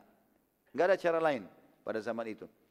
Maka seharian penuh orang Yahudi melemparkan anak-anak panah mereka ke arah muslimin. Sehingga muslimin tersibukkan dengan itu. Sampai jenazahnya Mahmud pun tidak sempat diurus sampai menjelang malam pada saat itu. Karena mereka terus melemparkan anak-anak panah mereka. Salah satu anak panah Yahudi sempat mengenai jari Nabi SAW tapi tidak disebutkan jari yang mana, apakah itu telunjuk, apakah itu jari, tapi salah satu jari Nabi SAW terkena dan terluka berdarah, kena anak panah, kena banyaknya anak panah yang dihujankan. Salah seorang sahabat bernama Khabbab bin Mundir radhiyallahu dia berkata, "Wahai utusan Allah, tempat ini kurang tepat untuk pasukan. Sungguh sangat terbuka dan mudah diserang. Sebaiknya kita segera pindah saja." Nabi SAW mengatakan, "Jangan sekarang." Karena Yahudi bisa berkata kita pengecut, biarin aja. Karena mereka sudah berhentikan juga anak panahnya. Sepanjang hari muslimin hanya tersibukkan menangkis serangan panah-panah Yahudi sampai malam hari tiba, Yahudi memberhentikan serangan mereka, maka Nabi SAW memerintahkan agar pasukan pindah lokasi yang lebih aman daripada jangkauan anak panah tadi. Itu mundur ke belakang. Keesokan harinya Nabi SAW mengeluarkan instruksi, tidak boleh ada yang menyerang dan melakukan kecuali dengan izin Nabi SAW. Sabar, walaupun sudah diserang kemarin sabar. Yahudi mengeluarkan beberapa kesatrianya seakan-akan akan duel lagi. Namun muslimin menunggu instruksi Nabi wassalam. Salah satu sahabat teman-teman sekalian dan ini perlu digarisbawahi pentingnya mematuhi instruksi pemimpin, tidak boleh melanggar. Walaupun kita semangat betul mau dapat mati syahid, kalau dilarang serang jangan serang dulu. Kalau mau mati syahid di tempat kita pun Allah akan kasih kalau memang Allah mau akan ada lolos senjatanya atau pelurunya kalau kita zaman sekarang. Musuh akan kena kita kok. Ini terjadi pada seorang sahabat dari Ansar, dari suku Ashja. Tiba-tiba pada saat dia lihat ada beberapa Yahudi, ada dua tiga Yahudi keluar mau duel, maka tiba-tiba Nabi bilang, jangan ada yang keluar kecuali saya izinkan. Dia tiba-tiba kena semangatnya dia maju. Akhirnya dia sendirian dia serang tiga orang itu. Maka yang terjadi adalah dia terbunuh orang ini. Apa yang terjadi teman-teman mati? Apakah Nabi mengatakan dia mati syahid? Kata Nabi SAW, tidak akan masuk surga pembangkang. Padahal orang ini masuk surga, sebenarnya mati syahid. Kalau dalam dalam hitungan perang, dia terbunuh di tangan orang kafir. Tapi karena membangkang dari pemimpin, maka dianggap tidak akan masuk surga. Kata Nabi SAW, tidak akan masuk surga pembangkang. Beberapa Yahudi berhasil membunuh seorang dari suku Asya tadi, ya, kemudian mereka kembali ke benteng mereka dan menutup lagi pintu gerbangnya. Lalu berjalan selang beberapa detik saja atau waktu setelah itu, gerbang terbuka lalu keluarlah seorang sahaya Yahudi yang berkulit hitam kelam yang mengembalakan kambing-kambing Yahudi dan ia sedang menuju ke kemah muslimin. Jadi waktu Yahudi tadi sudah masuk ke dalam benteng mereka, ditutup pintu gerbang, tiba-tiba saja beberapa saat saja ada keluar satu orang hamba sahayanya Yahudi membawa gembalaan. Jadi tradisi orang Yahudi teman-teman waktu itu, mereka kalau menggembalakan domba mereka, mereka tidak gembalakan di dalam benteng, dibawa keluar jauh di padang pasir cari tanaman-tanaman yang ada hijau-hijau, kemudian mereka gembalakan. Tapi ternyata si hamba sahaya Yahudi ini bukan mau mengembalakan domba, dia membawa domba tersebut lalu kemudian dia menuju ke pasukan muslimin dan menemui Nabi SAW dan berkata, aku akan masuk Islam dan aku sangat mengakui anda sebagai Nabi. Ya. Lalu kemudian orang itu pun syahadat. Orang tersebut berkata, wahai utusan Allah, apa yang harus aku lakukan dengan gembalan ini? Apakah anda akan mengambilnya sebagai harta rampasan perang? Kata Nabi SAW, kami demi Allah tidak akan mengambil amanah. Ini juga hukum lain teman-teman sekalian, kalau yang jadi rampasan perang adalah sesuatu yang kita serang dan kita dapatkan. Tapi sesuatu yang tiba-tiba saja datang kepada kita tanpa sebab, ini tidak dihitung ghanimah. Ya. Apalagi kalau dasarnya itu amanah dititipkan oleh seseorang seperti kasus sahabat ini. Dia masuk Islam. Lalu kata Nabi SAW, dia bilang, Ya Rasulullah, apakah domba-domba saya Yahudi ini akan jadi ghanimah kalian? Kata Nabi SAW, kami tidak akan mengambil amanah. Kembalikanlah kepada orangnya. Orang tersebut berkata, Ya Rasulullah, kalau aku kembali kepada mereka, mereka pasti sudah tahu sekarang aku masuk Islam karena mereka lihat dari atas benteng aku menuju ke pasukan kalian. Maka pastikan mereka akan membunuhku nantinya. Lalu kata Nabi SAW, arahkan saja domba-domba mereka ke benteng mereka, maka pasti Allah akan sampaikan.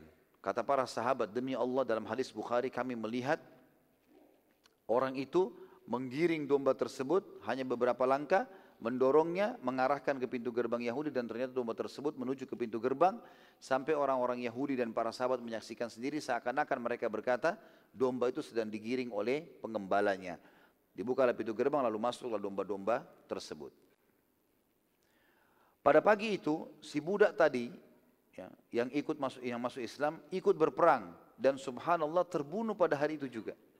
Yang tadi baru syahadat maka dia ikut berperang, kena anak panah Yahudi, maka dia juga mati syahid, terbunuh. Kata Nabi SAW untuk lihat jenazahnya, siapa yang ingin melihat penghuni surga yang tidak pernah sholat satu rakaat pun, maka lihatlah orang ini. Dan sekarang sedang bersama dengan dua bidadari yang sedang mendampinginya. Dan ini hadis sahih menyebutkan masalah itu. Dan ini juga sesuai dengan hadis Nabi SAW, waktu itu keluar juga hadis Nabi SAW, demi zat yang ubunku dalam genggamannya, sesungguhnya seseorang di antara kalian lebih dekat dengan surganya dibandingkan tali sendalnya dan seseorang dari kalian lebih dekat dengan nerakanya daripada tali sendalnya sendiri. Artinya, seseorang kalau menjalankan perintah Allah menerima, meninggalkan larangan istiqamah, mati masuk surga. Dekat sekali surga itu, tinggal patuh saja selesai. Dan orang juga dekat sekali dengan neraka maksiat. Dia zina, dia ke diskotik, dia ke bar, memabukan, tabrakan mati masuk neraka. Ya, begitu dekatnya dia dengan nerakanya. Maka keluar sabda Nabi SAW justru karena kasusnya orang ini, kasusnya sahabat tadi. Kita masuk teman-teman sekalian ke dalam hal yang lebih dalam lagi tentang masalah perang Khaybar ini adalah pembebasan benteng Yahudi. Mulailah benteng-benteng Yahudi, setelah itu dibebaskan oleh muslimin. Yang pertama, pembebasan benteng Naim. Pembebasan benteng Naim. Pasukan muslimin lalu mulai mengepung benteng yang pertama Yahudi bernama benteng Naim. Ini pasukan ini benteng yang pertama dan ini benteng yang muslimin berada di depannya pas. Peperangan terus saja berlanjut sampai 10 hari waktu itu namun belum ada keberhasilan ditampu oleh muslimin. Peperangan ini dengan cara saling melempar anak panah saja juga beberapa muslimin berusaha memanjati benteng Yahudi tapi belum berhasil. Pada hari ke-11-nya keluarlah dari dalam benteng kesatria Yahudi yang bernama Marhab tadi menantang muslimin duel ia melantungkan syair. Sungguh benteng Khaybar telah mengetahui siapa aku seorang kesatria yang tangguh dan tidak terkalahkan lalu dia sebutkan syairnya panjang. Orang-orang Yahudi masih menyimpan syair-syairnya ini. Muslimin kebanyakan tidak menulis syair ini tapi ada di antara ahli sejarah kita yang menukil. Intinya dia memuji-muji Khaybar, dia memuji otot-ototnya, dia memuji kekuatan dia, keterampilan perangnya dan seterusnya. Melihat tantangan tersebut, keluarlah dari pasukan muslimin Ali bin Abi Thalib radhiyallahu anhu. Namun ia ditahan oleh Muhammad bin Maslamah. Radhiyallahu anhu Muhammad bin Maslamah berkata, "Jangan hai Ali. Berikan izin aku yang membunuhnya, aku yang hadapi Marhab." Karena dia telah membunuh saudaraku, adikku, Mahmud bin Maslamah. Tadi yang dipukul kepalanya oleh Marhab. Maka aku yang akan melawannya. Melihat kejadian tersebut, Ali mengatakan, baiklah, silahkan. Terjadilah duel yang luar biasa sampai seluruh pasukan baik muslimin juga Yahudi tercengang dengan duel mereka berdua. Saling serang, saling tangkis sampai keduanya berada di antara pohon-pohon. Karena serangan demi serangan yang sangat dahsyat akhirnya membuat hampir semua ranting pohon yang berada di sekitar mereka terpotong gitu kan. Termasuk juga ada pohon-pohon kurma yang sempat tumbang kena tebasan pedang mereka. Tentu pedang, pohon kurma susah untuk ditebas sama pedang. Ya, kita sekarang aja kalau pohon potong pohon kelapa nggak mungkin pakai pedang gitu kan. Harusnya pakai gergaji yang besar atau pakai mesin. Tapi bagaimana dahsyatnya perang duel antara Muhammad bin Maslamah dan teman-teman perlu tahu Muhammad bin Maslam ini sahabat Nabi yang sangat mahir menggunakan pedang dan terkenal dengan kekuatannya. Muhammad bin Maslam terkenal dengan ahli perangnya. Maka teruslah mereka duel sampai terjadi hal tersebut. Pada saat itulah Muhammad bin Maslamah waktu sudah lagi dahsyatnya mereka menebas satu sama yang lain sembunyi di antara pohon. Akhirnya jatuhlah pohon kurma dan sempat ada satu pohon kurma yang jatuh ke arah marhab. Yang berarti yang menebangnya sebenarnya adalah Muhammad bin Maslamah. Waktu itu sempat mengenainya dan pada saat kejadian Marhab lagi menghindar dari pohon tersebut, maka pada saat itu Muhammad bin Maslamah berhasil menebas kaki Marhab dan memutuskannya. Ya. Jadi disebutkan kaki kanan atau kaki kiri dan Marhab waktu itu kesakitan teriak-teriak. Ya. Sambil berkata bunuhlah aku. Muhammad bin Maslamah mengatakan tidak. Merasakan ini. Lalu Muhammad memotong kakinya yang satu lagi. Jadi dua-duanya gitu kan ditebas oleh Muhammad bin Maslamah. Marhab berkata, bunuhlah aku. Muhammad mengatakan tidak, rasakan kematian. Ya. Biar kau rasakan sakitnya. Lalu Muhammad bin Maslamah membiarkan. Kakinya tertebas dua-dua, darahnya keluar terus. Ini pasti mati. Tapi melalui proses penyiksaan gitu kan. Susah sekali. Melihat kejadian tersebut, tanpa menunggu Ali bin Abi Thalib mendatangi Marhab dan Ali membunuhnya. Ali menusuknya. Kemudian Ali mengambil semua perlengkapan perangnya sebagai harta rampasan perang. Ali lalu berkata kepada Nabi SAW, Ya Rasulullah, akulah yang telah membunuhnya. Tadi si Muhammad Maslamah biarin dia. Saya membunuh sekarang, berarti ini hak saya nih. Kan orang kalau duel, semua yang dimiliki oleh musuh tersebut jadi hak orang yang mengalahkannya. Maka melihat kejadian tersebut, Muhammad mengatakan, Ya Rasulullah, akulah yang telah membunuhnya. Aku meninggalkannya dalam keadaan menunggu kematian. Maka Nabi SAW mengatakan, iya benar wahai Ali, Muhammad yang memilikinya. Maka dikembalikanlah perlengkapan perang marhab kepada Muhammad bin Maslamah dan keluar juga sebuah hukum syar'i di sini kalau seandainya seseorang sudah duel dengan orang tertentu dan saudara yang muslim melihat itu terjadi dan ternyata memang musuh sudah nyata-nyata menuju kepada kematian mungkin tertusuk punggungnya mungkin terkena kepalanya mungkin segala macam walaupun musuh sempat melarikan diri dan mati maka nanti yang menjadi memiliki hak ghanimah dari orang itu adalah orang yang membunuhnya Artinya orang yang menjadi penyebab dia mati. Walaupun nanti ada muslim yang lain yang datang, mungkin menyempurnakan pembunuhan tersebut. Juga pelajaran lain teman-teman sekalian. Bagi seorang kafir, khusus ini ya, kafir yang memang menyiksa muslim. Khusus itu saja. Maka pada saat dia lagi proses dibunuh pun itu boleh disiksa. Namanya takzir dalam agama kita. Hukum takzir namanya. Kenapa di sini Muhammad bin Maslamah diizinkan Nabi SAW tidak ditegur waktu dia tebas kakinya marhab? Kenapa enggak seperti umumnya hukum jihad? Hukum jihad umum kan dia harusnya tidak boleh menyakiti. Kata Nabi SAW kalau kalian bunuh-bunuhlah dengan cara yang baik, tusuk mati selesai, enggak boleh ada mutilasi kan gitu. Tapi kenapa di sini Nabi SAW biarkan? Karena marhab telah berbuat curang.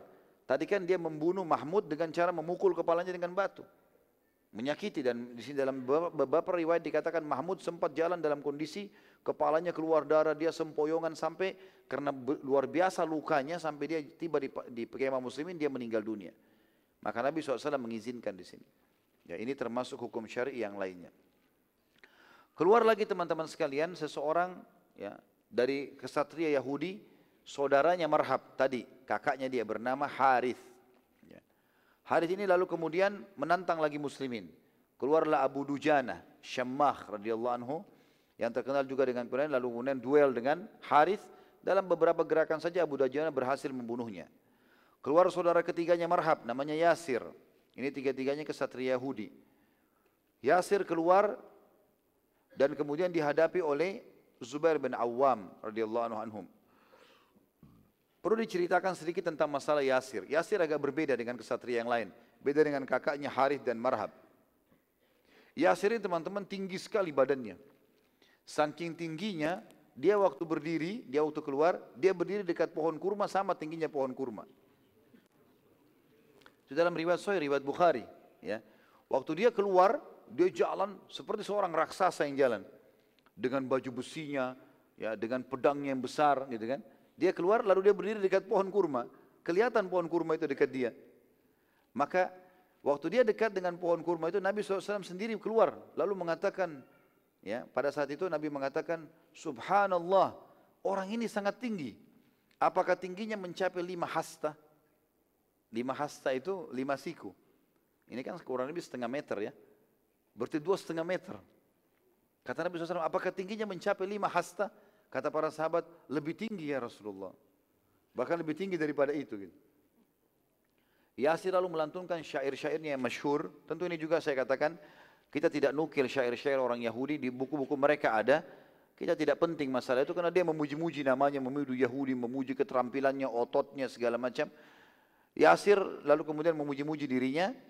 Dan pada saat itu Zubair bin Awam menjawab tantangan tersebut lalu melantunkan syair yang masyhur beliau mengatakan aku adalah Zubair yang hidup selalu mulia dan tidak akan pernah mundur saking besarnya poster tubuh uh, Yasir walaupun Zubair ini terkenal orang yang sangat kuat dan tentu nanti akan beliau dapatkan julukan khusus di sini karena mengalahkan Yasir Sofia binti Abdul Muttalib kalau teman-teman masih ingat ini di perang Ahzab yang membunuh mata-mata Yahudi yang akan masuk ke benteng muslimin yang ada wanita dan anak-anak adalah Sofia, tante Nabi SAW. Ini tante Nabi, kakaknya Abdullah. Jadi tante Nabi dari ayahnya gitu kan. Terkenal sekali dengan kekeras, ketegasannya. Sampai waktu kecil Zubair bin Awam ini dia suka bawa jalan ke tempat-tempat gelap. Kalau Zubair nangis dibiarin sama dia. Lalu kemudian ditanya oleh sukunya, kenapa Sofia kau buat seperti ini? Dia bilang biar dia jadi pemberani. Dan memang Zubair radhiyallahu anhu terkenal dengan keberanian luar biasa.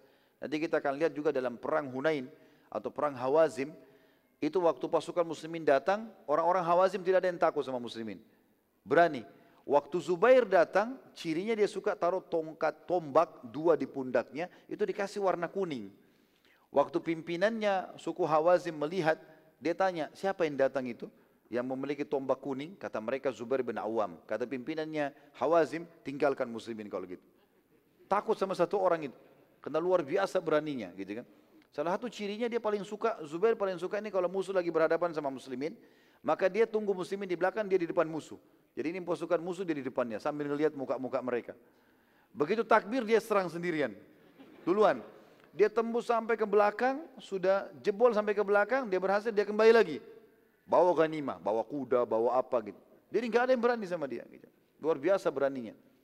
Tapi walaupun keberanian begitu, Sofia radhiyallahu anha, ibunya sempat mendatangi Nabi SAW mengatakan, Ya Rasulullah, walaupun anakku pemberani, aku khawatir orang ini membunuh anakku. Artinya luar biasa besarnya. Dikatakan dalam sebuah riwayat, dalam beberapa asar menyebutkan, waktu Zubair berdiri, Zubair hanya sampai di perutnya atau dekat dengan dadanya si Yasir. Gitu kan? Jadi orangnya dua setengah meter gimana? Seperti tembok ini mungkin. Ya, Jadi luar biasa tingginya.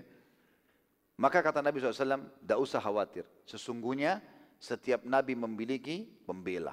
Dan pembelaku adalah Zubair. Allah akan berikan dia kemenangan. Gitu kan. Maka akhirnya pada saat itu pun tentu ada riwayat yang menyebutkan tidak tersebutkan hadis ini kecuali setelah Zubair membunuh Yasir. Maka Nabi SAW mengatakan tidak usah khawatir hai Sofia. Karena anakmu yang akan membunuh dia insya Allah. Maka terjadilah perang tanding yang sangat sengit dan perang tanding ini lebih sengit daripada peperangan tadi sebelumnya. Itu kan? Sampai-sampai dikatakan debu berterbangan di sana sini gitu kan. Dan tidak terlihat lagi mana Zubair dan mana Yasir karena banyaknya debu yang, terse yang tersebar sana sini. Dan Yasir ini setiap kali menghantamkan pedangnya ke arah Zubair dan Zubair berhasil menghindar, pasti pedangnya itu melengket di tanah yang sudah dipukul, kena kerasnya. Dan kalau dihantamkan ke batu maka akan hancur batu itu. Terus saja terjadi duel tersebut dan Zubair bin Awam memiliki satu strategi yang unik di sini. Dia tahu musuhnya besar dan kuat, maka dia tidak pernah menangkis. Dia membiarkan saja musuhnya terus ya, melakukan serangan-serangan, dia cuma menghindar. Sampai dia melihat kekuatan Yasir sudah berkurang. Karena setiap pukulannya serang, ingin membunuh. Jadi sering kali pedangnya pun terhantam ke batu hancur dan melengket. Waktu mau dicabut pun Zubair biarkan, nggak diganggu. Dibiarin dicabut sama dia. Diserang lagi, terus begitu. Dan Zubair terus saja melakukan hal tersebut sampai setelah dia melihat ternyata keletihan mulai terlihat pada diri Yasir, maka Zubair pun berdiri pas ya, bertepatan di hadapan Yasir. Kemudian dia melemparkan tombaknya berada di antara dua matanya Yasir. Padahal sudah lemah, ya, sudah merasa lega, apa agak lemah, kemudian Zubair berdiri lalu menombak di antara dua matanya. Dan tombak Zubair tembus ke kepala belakang. Gitu kan. Maka pada saat itu pun Zubair takbir dan Nabi SAW takbir. Lalu beliau bersabda, sesungguhnya setiap Nabi memiliki pembela atau penjaga khusus. Kalau kita bodyguard, gitu kan. Dan penjagaku adalah Zubair. Setelah itu ternyata masih keluar lagi ya seorang kesatria Yahudi yang lain yang bernama Amir. Dan orang dihadapi oleh Ali bin Abi Thalib, tapi orangnya tidak punya keterampilan, maka dikalahkan oleh Ali bin Abi Thalib dalam seketika. Keluar lagi pimpinan Yahudi yang lain bernama Usaid, juga mau duel. Karena di dalam di dalam di dalam benteng Yahudi rupanya tersebar berita, tuh ahli surga, tuh ahli surga yang sudah mati-mati tuh. Padahal masuk neraka tentunya ya. Cuma seperti itulah motivasinya. Maka mereka berlumba-lumba keluar. Keluar lagi Usaid, dihadapi oleh Muhammad bin Maslama. Dan Muhammad Maslama juga radhiyallahu membunuhnya. Pada saat sudah banyak semua kesatria Yahudi yang keluar tidak ada yang menang, apalagi ini kesatria yang mereka unggulkan, maka orang Yahudi memberhentikan perang tanding, nggak ada lagi. Kemudian mereka kembali melakukan strategi yang pertama yaitu menyerang muslimin dengan anak-anak panah. Dan sekali lagi muslimin tidak ada cara lain kecuali harus menangkis dengan perisai-perisai mereka dan tidak bisa buat apa-apa kalau sementara anak panah lagi banyak terserang. Pada malam sebelum pembebasan Khaybar, ada seorang Yahudi yang keluar dari benteng dan tertangkap oleh Umar bin Khattab radhiyallahu anhu yang merupakan ya pemimpin keamanan pada malam itu. Umar lalu segera mau membunuhnya, namun dia berkata, "Sabar dulu. Jangan bunuh aku dulu, tapi pertemukan aku dengan nabi kalian." Maka Umar pun membawanya ke arah Nabi SAW di kemahnya lalu Nabi SAW tanya, ada apa denganmu? Kenapa ingin bertemu denganku? Dia mengatakan di dalam benteng Yahudi ini sangat banyak pasukan, besar jumlahnya, senjatanya lengkap, persiapan makanan dan minuman cukup untuk bertahun-tahun. Maka aku pastikan kalau engkau tidak akan bisa membuka khaybar. Nabi SAW dengar, tersenyum melihat ini. Lalu Nabi mengatakan, apa kau mau coba takut-takuti aku? Kata orang itu, tidak, tapi aku minta keamanan.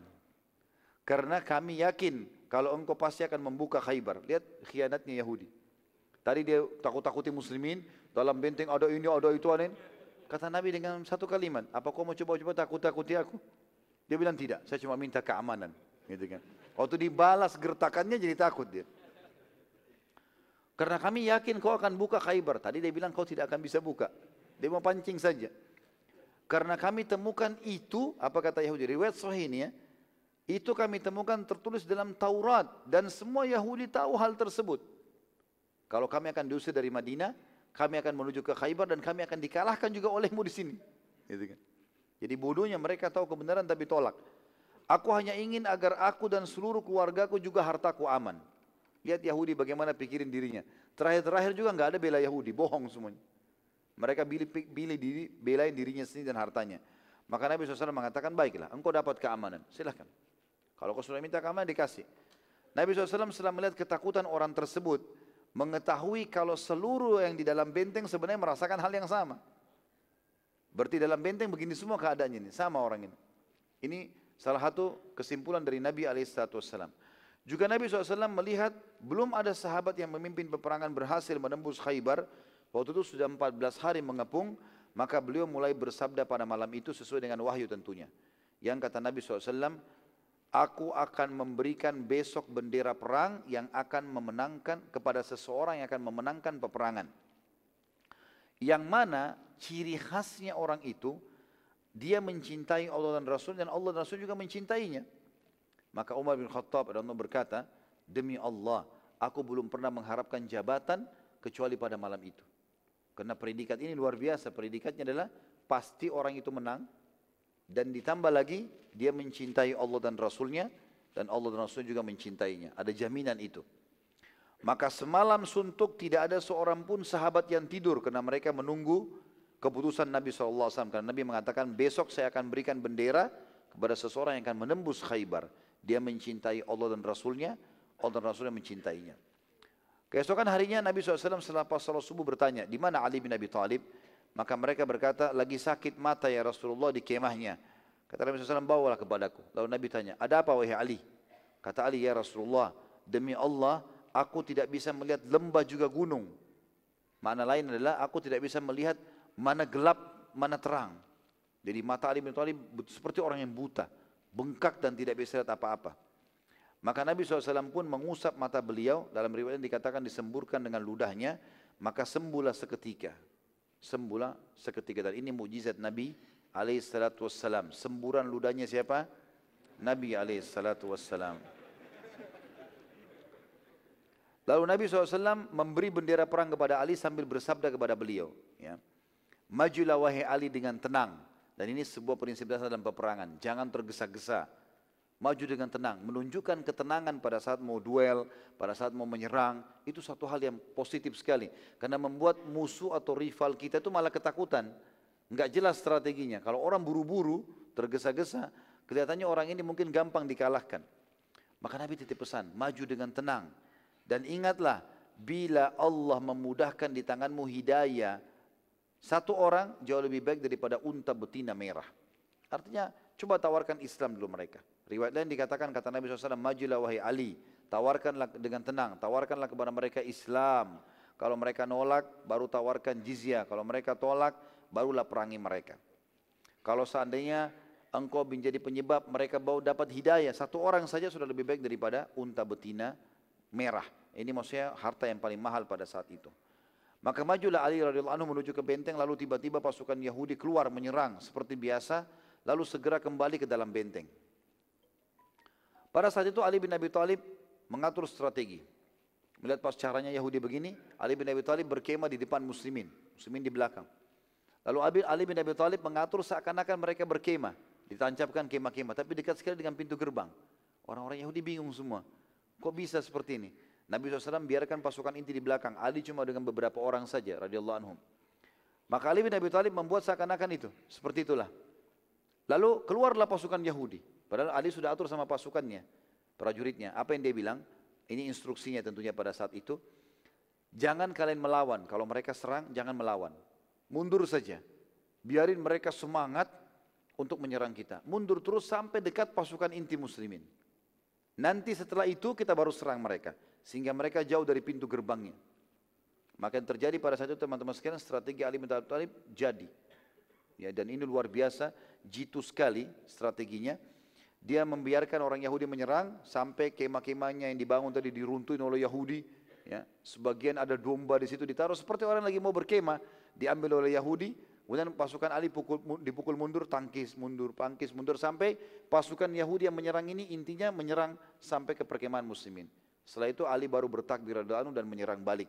Dan gara-gara ini akhirnya Ali bin Abi Thalib berhasil berhasil menyerang mereka dan beberapa pasukan muslimin ikut bergabung dan akhirnya sampai sekelompok Yahudi tadi itu yang merupakan pasukan inti mereka terkalahkan dan mereka tidak berhasil kembali ke pintu gerbang.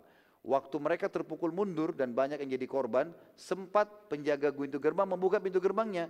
Mereka pikir pasukannya akan bisa masuk. Ternyata yang sampai sana adalah pasukan Ali radhiyallahu anhum. Dan gara-gara ini akhirnya benteng Naim ini takluk di tangan muslimin. Mereka semua melarikan diri pada saat itu membuka pintu gerbang dari belakang, mereka pindah ke benteng yang kedua, namanya benteng Sa'ab ibn Mu'ad. Sa'ab ibn Mu'ad. Bebaslah pada saat itu benteng Naim teman-teman sekalian benteng pertama muslimin dan akhirnya kita masuk sekarang ke pembebasan benteng Sa'ab bin Mu'ad, benteng yang setelahnya. Umumnya Yahudi berhasil melarikan diri ke benteng Sa'ab bin Mu'ad, pasukan muslimin kemudian kembali memindahkan pasukan intinya. Jadi benteng sekarang Naim sudah dikuasai. Ditaruh oleh Nabi SAW beberapa pasukan muslimin karena ini kosong dari Yahudi semua jadi ghanimah. Lalu mereka tembus belakang benteng itu ternyata di belakang ada benteng lagi, benteng Sa'ab namanya. Maka muslimin mengepung lagi di sana. Benteng Sa'ab ini adalah benteng yang paling banyak makanan dan mereka pada saat itu memang yang mensubsidi makanan ke benteng Naim yang benteng pertahanan pertama itu adalah benteng Sa'ab ini.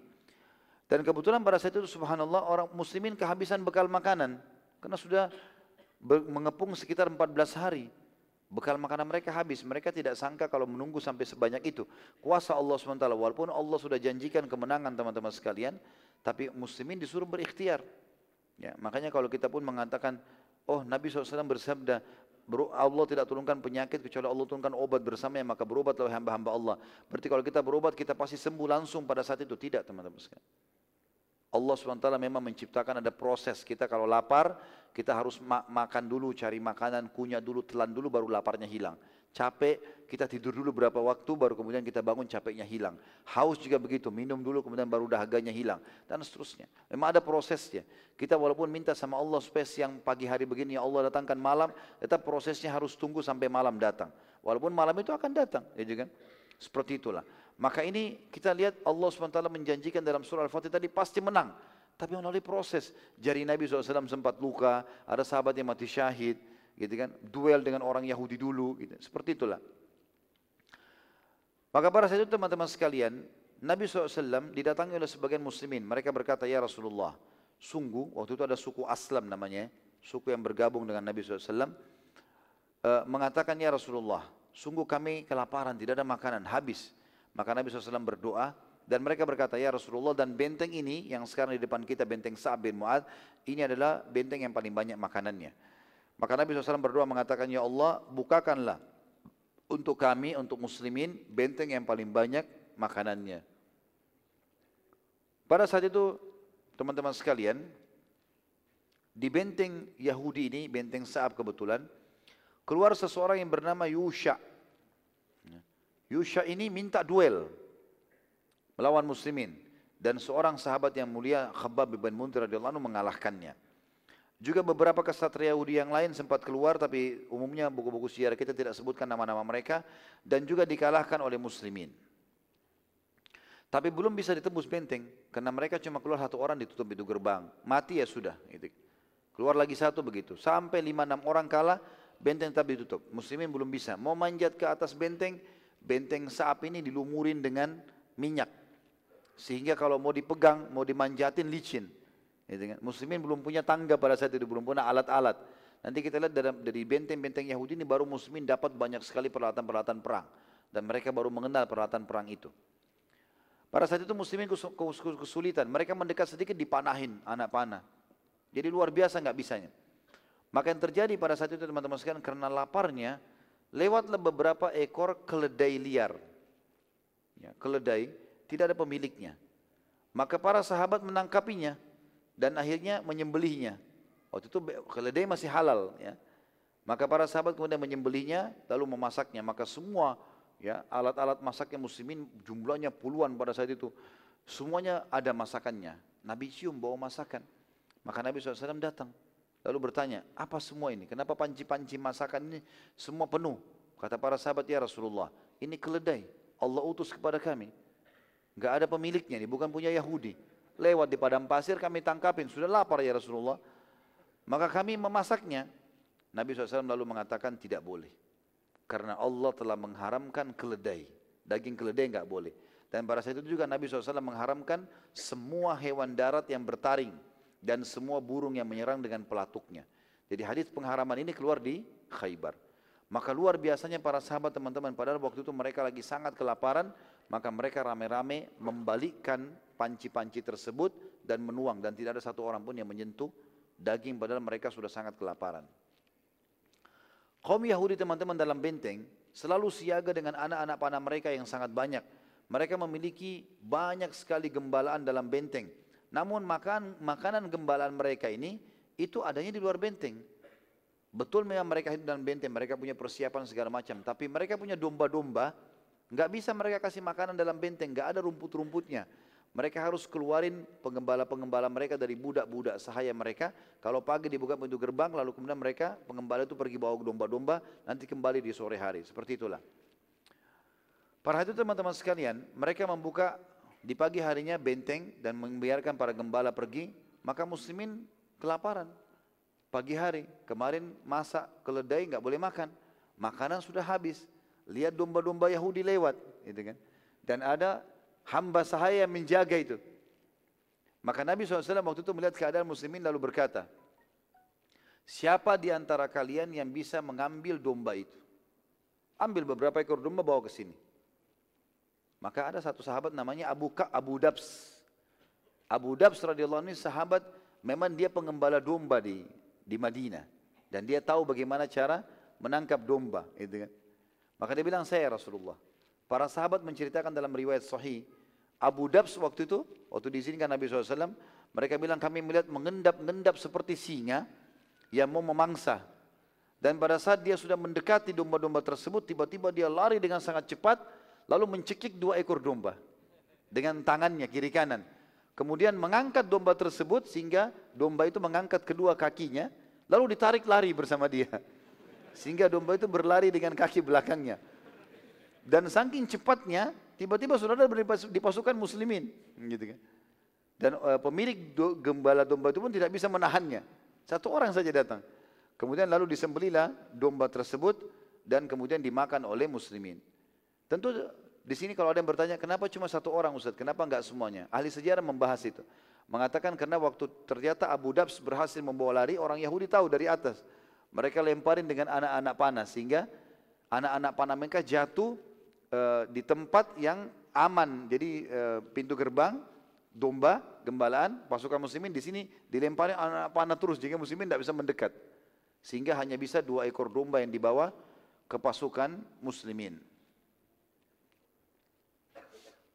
Pada saat itu juga teman-teman sekalian, ya, setelah gembalaan mereka pergi, mereka berusaha untuk keluar dan menyerang muslimin. Sama tadi, menyerang, kemudian balik lagi setelah pukul, memukul muslimin, mereka balik tutup lagi pintu gerbangnya. Hampir sama dengan strategi awal dari benteng Naim. Umumnya muslimin pada saat itu, kalau mereka terpukul, sempat keluar serangan yang sangat besar, mereka terpukul mundur, lalu mereka mundur. Dan terbunuh tiga orang sahabat waktu itu. Di serangan pasukan dari benteng Sa'abin yang tiba-tiba. Nabi SAW lalu bersama dengan beberapa sahabatnya, atau beliau mengatakan kepada para sahabatnya bertahan saja, jangan sampai ada yang menyerang dan jangan ada yang teriak, gitu kan? Lalu Nabi SAW berkata, kemarilah wahai hamba-hamba Allah, kumpul dengan suara yang pelan. Dan beliau berkata, jangan sampai bubar, jangan sampai ada yang pergi menyerang, biarin saja. Pasukan ini sudah menyerang kita, mereka mau pulang ke bentengnya biarin, jangan ada yang serang. Tapi ada beberapa sahabat yang tidak dengar itu, lalu kemudian mereka berusaha untuk ya menyerang pada saat itu. Mereka berusaha menyerang, tapi terbunuh akhirnya. Tadi saya bilang kurang lebih tiga sahabat terbunuh. Waktu itu orang Yahudi waktu lihat tiga sahabat ini terbunuh, mereka jadi semangat. Nabi kan sudah bilang tadi, jangan menyerang, biarin aja. Mereka pukul, tangkis saja. Karena mereka bukan niatnya mau menyerang, mereka mau lari pulang. Gitu kan. Nanti akhirnya kita kepancing masuk ke depan, dilempar sama anak panah. Tapi karena ada tiga orang yang mau menyerang, terbunuhlah tiga orang ini, akhirnya orang Yahudi tamak. Mereka menganggap mereka punya kekuatan, maka mereka menyerang.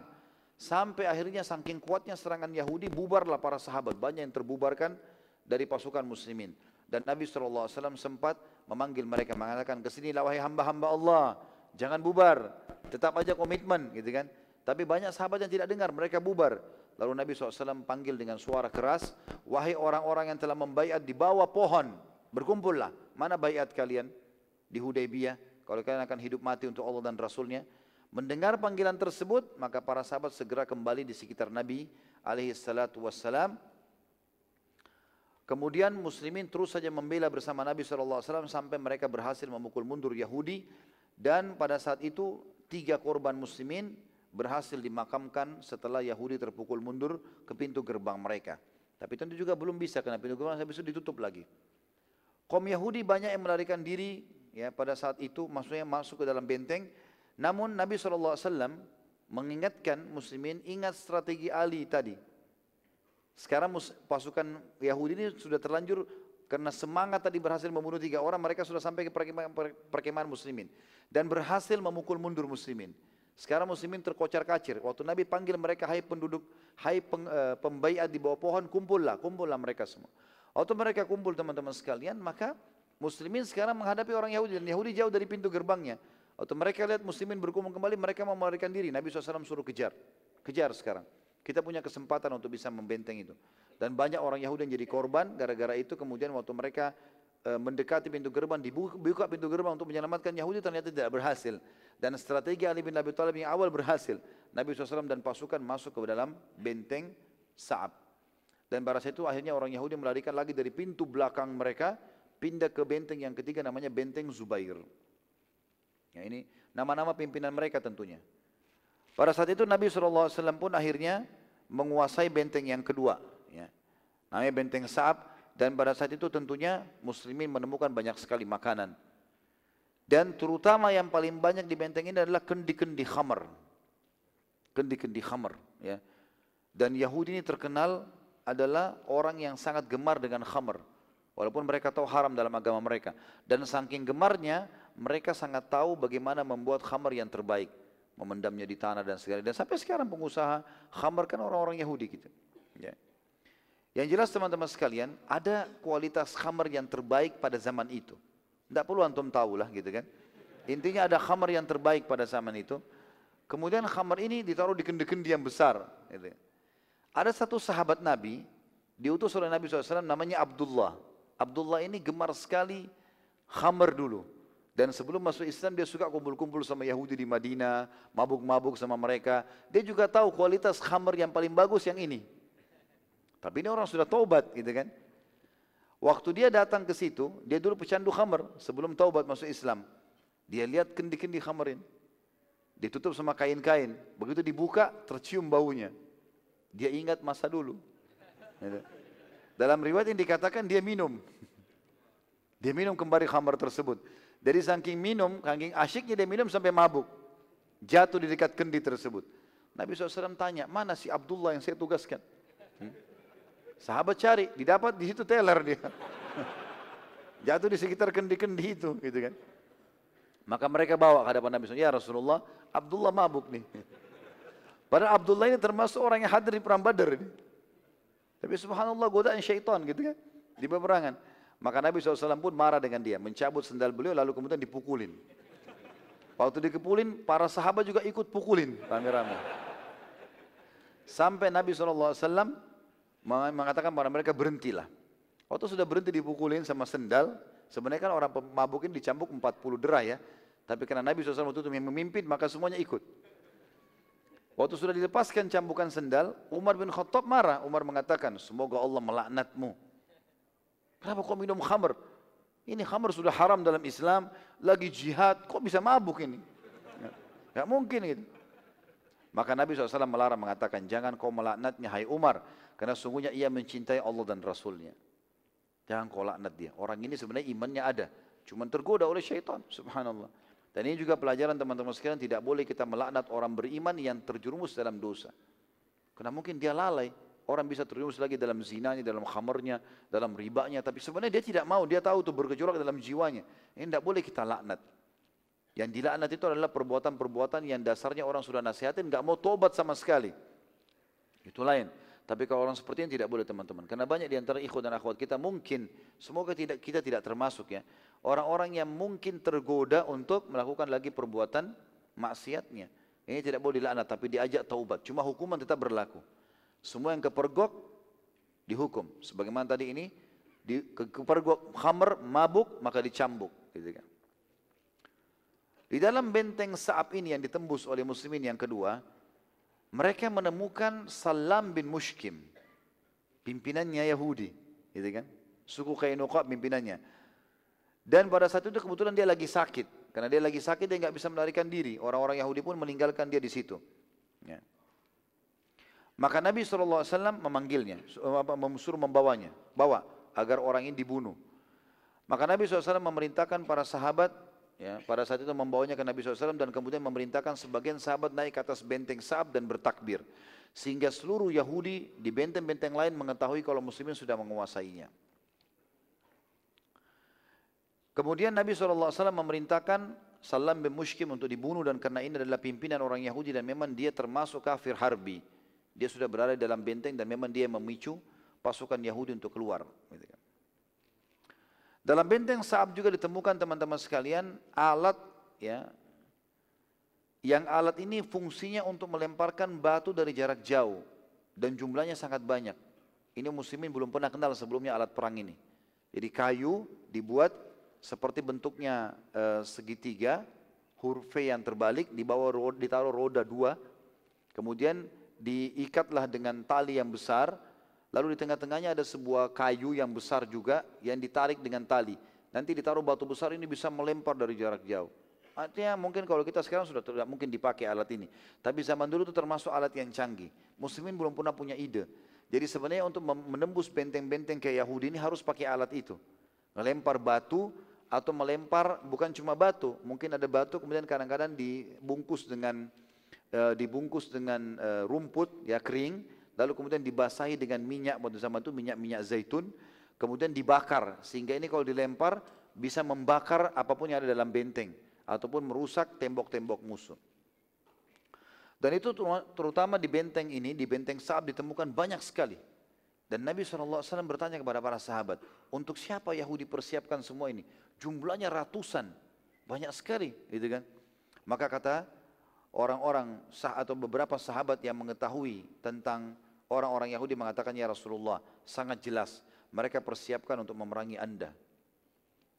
Maka Nabi SAW pun mengatakan baik, persiapkan semua ini kita pakai untuk menyerang benteng mereka. Bawa, sekarang kita pindah ke benteng yang ketiga, benteng Zubair. Nabi SAW lalu memerintahkan agar pasukan bersama Nabi SAW mengepung benteng ketiga namanya Zubair. Benteng Zubair ini agak berbeda, berada di atas gunung sehingga menyulitkan muslimin untuk membukanya. Jadi agak menerjal, terjal di atas gunung lah benteng itu. Dari semua sudut tidak dapat ditembus, nggak ada pintu masuknya. Pintu gerbangnya pun harus orang menukik naik. Baru dibuka pintu gerbang. Ini lebih sulit. Awal datar saja sulit ditembus, apalagi ini terjal ya. Pada saat itu muslimin coba berusaha mengepung, melempar anak panah, mereka juga melempar anak panah, enggak ada hasilnya. Waktu itu sudah beberapa hari kebetulan dikepung oleh muslimin dan ternyata orang Yahudi di dalam itu juga sudah ketakutan karena takutnya nanti dikalahkan seperti dua benteng sebelumnya. Ada satu orang namanya Gazal. Gazal ini orang Yahudi. Dia panjati temboknya, temboknya sendiri, tembok Yahudi lalu kemudian dia keluar dan minta bertemu dengan Nabi Wasallam. Pada saat bertemu dia berkata, aku datang dari benteng yang sangat kuat dan tidak akan pernah bisa dibuka, penuh dengan pasukan, harta dan segala kebutuhan. Sama ini sama kasus tadi. Nabi SAW cuma senyum lalu mengatakan, apa kau datang menakut-nakutiku? Gitu kan. Allah pasti sudah menjanjikan padaku akan menang dan merebut khaybar. Karena melihat kedegasan Nabi SAW, Gazal lalu ketakutan lalu berkata, demi Allah, aku tahu dan semua Yahudi tahu dan kami telah menemukan itu tertulis dalam kitab Taurat bahwasanya benar engkau adalah nabi dan engkau akan membukanya. Pengakuan yang luar biasa. Kebodohan dia tahu ini nabi, dia tahu akan dikalahkan, akan dibunuh, akan masuk neraka tapi tetap mau komitmen dengan itu. Ya, ada orang begini subhanallah ya. Mirip Yahudi, tahu kebenar, tahu ini kesalah, tetap dilakukan.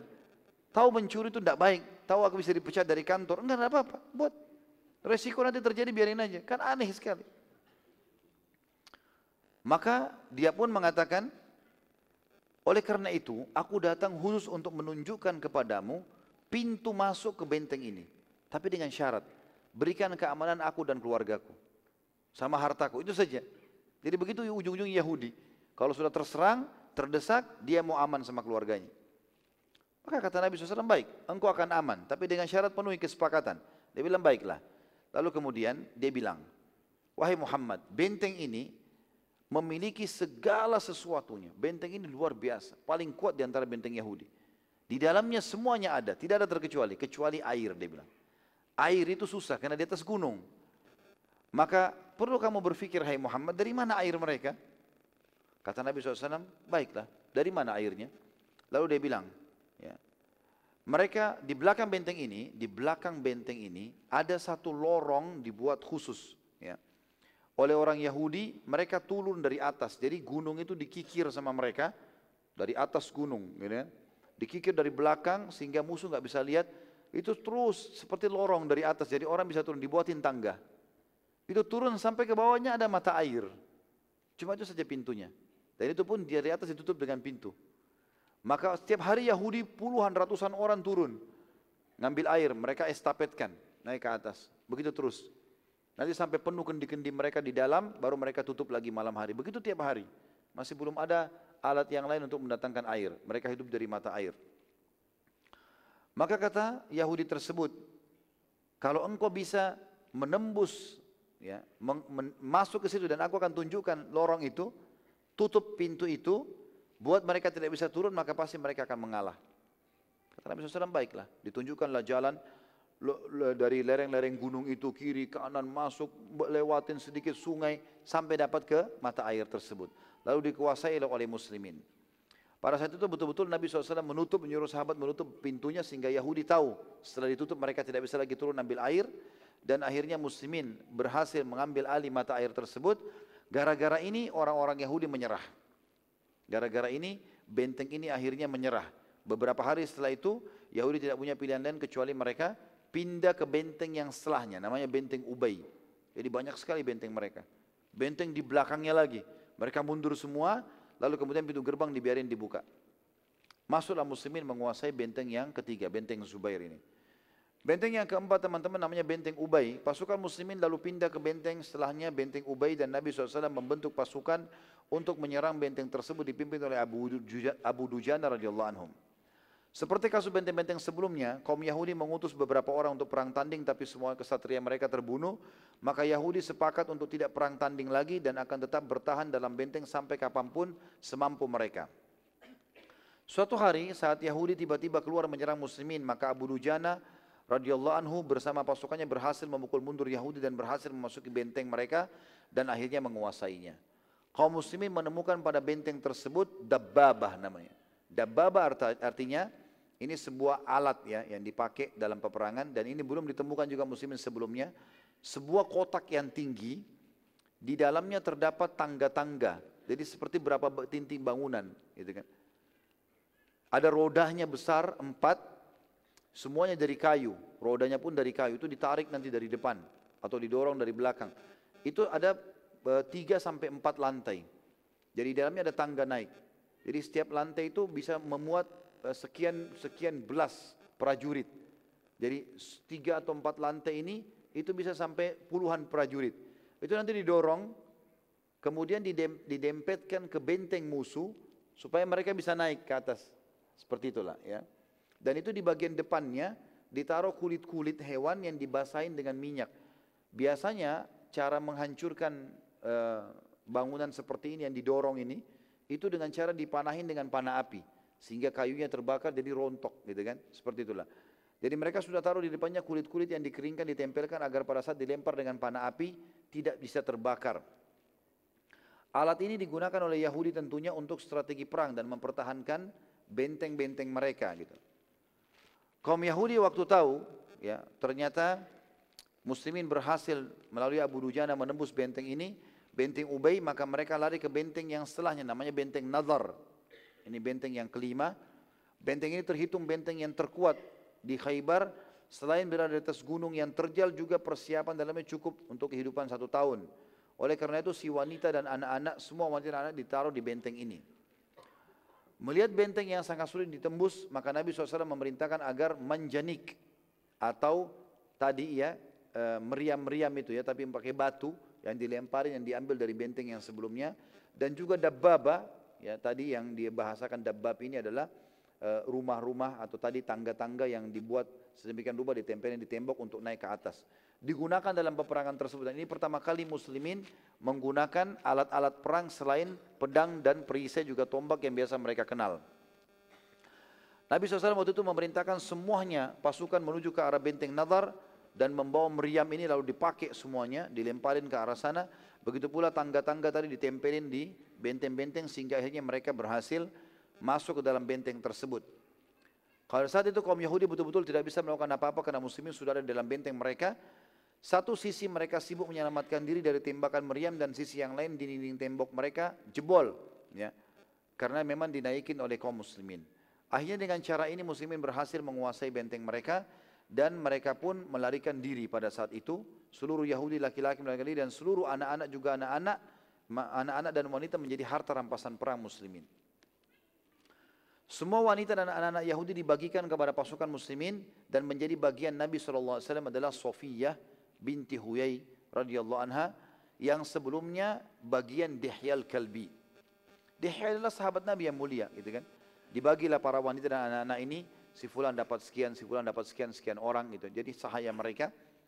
Maka Ali bin Abi Thalib mendatangi Nabi SAW lalu berkata, wahai utusan Allah, Sofia binti Huyai Hayanya Huyai ini raja, raja Yahudi.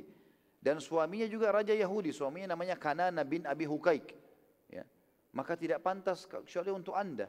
Lebih baik Sofia di bawah naungan anda, jangan dikasih sahabat yang lain.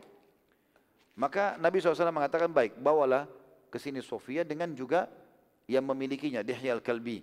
Maka Nabi SAW mengatakan, wahai Dihya, maukah kamu ridho kamu kalau orang ini Sofia aku gantikan dengan beberapa sahaya yang lainnya maka Dihya mengatakan, ya Rasulullah dia buat anda. Tidak usah ada balasan apa-apa. Maka diberikanlah Sofia kepada Nabi SAW.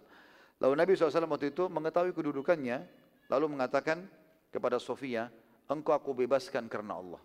Kata Nabi SAW, tanpa syarat apa-apa, engkau aku bebaskan karena Allah.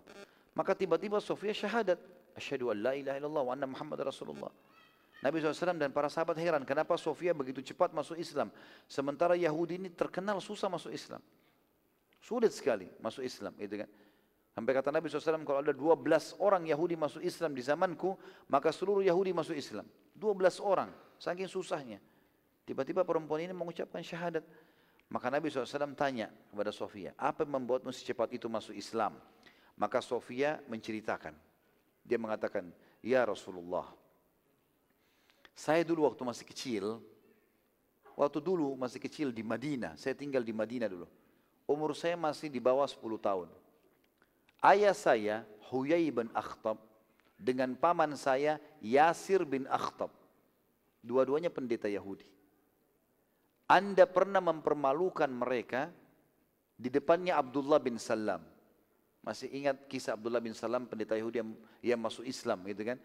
Setelah bertanya kepada Nabi SAW apa makanannya ahli surga, bertanya beberapa pertanyaan yang pernah sudah, sudah pernah kita jelaskan. Lalu kata Abdullah bin Salam setelah syahadat ya Rasulullah orang Yahudi kaum qadar kaum yang suka berkhianat. Maka jangan ceritakan saya masuk Islam tapi undang mereka pendeta-pendetanya biar anda bertanya kepada mereka. Lalu Nabi SAW mengundang termasuk yang datang adalah Huyai bin Akhtab dan Yasir bin Akhtab ini datang ke masjid Nabi SAW kata Nabi SAW hai orang-orang Yahudi kalian adalah pendeta-pendetanya kalian tahu siapa saya kalian temukan nama saya disebutkan dalam Taurat Kalian tahu ini adalah kota Madinah, kota Rasul, kota hijrahnya. Kalian tahu ajaran ini benar. Kenapa kalian tidak mau beriman? Berimanlah. Mereka bilang, tidak, kami tidak mau beriman. Kata Nabi SAW, bertakwalah. Tetap mereka tidak mau. Kata Nabi SAW, baik. Bagaimana pendapat kalian tentang Abdullah bin Salam? Kata mereka, dia adalah tuan kami, dia anak tuan kami, dia orang yang paling alim di antara kami. Kata Nabi SAW, bagaimana kalau Abdullah bin Salam masuk Islam? Mereka bilang, enggak mungkin, mustahil. Itu orang yang paling hebat ilmunya di antara Yahudi. Kata Nabi SAW, wahai Abdullah keluarlah. Abdullah lagi ada di belakang pintu, di belakang tembok masjid. Datang lalu mengatakan, asyhadu an la ilaha illallah wa anna Muhammad Rasulullah. Bertakwalah Yahudi masuk Islam lah. Maka tiba-tiba mereka mengatakan, sungguh dia adalah orang yang paling bodoh di antara kami. Dan anaknya orang yang paling bodoh. Maksudnya ayahnya pun bodoh. Gitu kan. Kata Sofia, biasanya ya Rasulullah, Ayah saya Huyai bin Akhtab dan paman saya Yasir ini setiap hari kalau ketemu saya pasti saya dipelukin, diciumin, saya masih kecil. Selalu saja. Kecuali pada saat itu hari. Waktu mereka pulang dari masjid Anda, saya masih kecil di bawah 10 tahun. Kemudian mereka masuk ke dalam rumah, mereka buka pintu, saya pun mau menyambutnya berharap saya dipeluk dan dicium. Ternyata mereka saking terganggunya dengan kejadian tersebut, mereka melupakan saya. Dan saya mendengarkan pembicaraannya. Pembicaraannya adalah, Kata ayahku ya, kepada dia, kepada Yasir. Ini perkataan yang tersebutkan dalam hadis sahih riwayat Bukhari ya. Kata Huyai kepada ayah kakaknya Yasir, apakah dia orangnya yang telah disebutkan di dalam Taurat yang Taurat maksudkan kata Huyai ayahnya Sofia Yasir berkata saudaranya iya dia orangnya ah, kalau kata kata kata Huyai lagi apakah engkau telah memastikan semua ciri-ciri dan sifat-sifatnya kalau dia nabi terakhir kata pamanku Yasir iya lalu kata ayahku lalu apa keputusanmu kemudian kata pamanku Yasir aku putuskan untuk memusuhinya selamanya itu kan dan ini kata para ulama, sungguh ini kebodohan Yahudi. Karena sampai hari ini pun mereka tahu Islam benar, mereka tahu Islam akan menang. Tapi seperti itulah, subhanallah.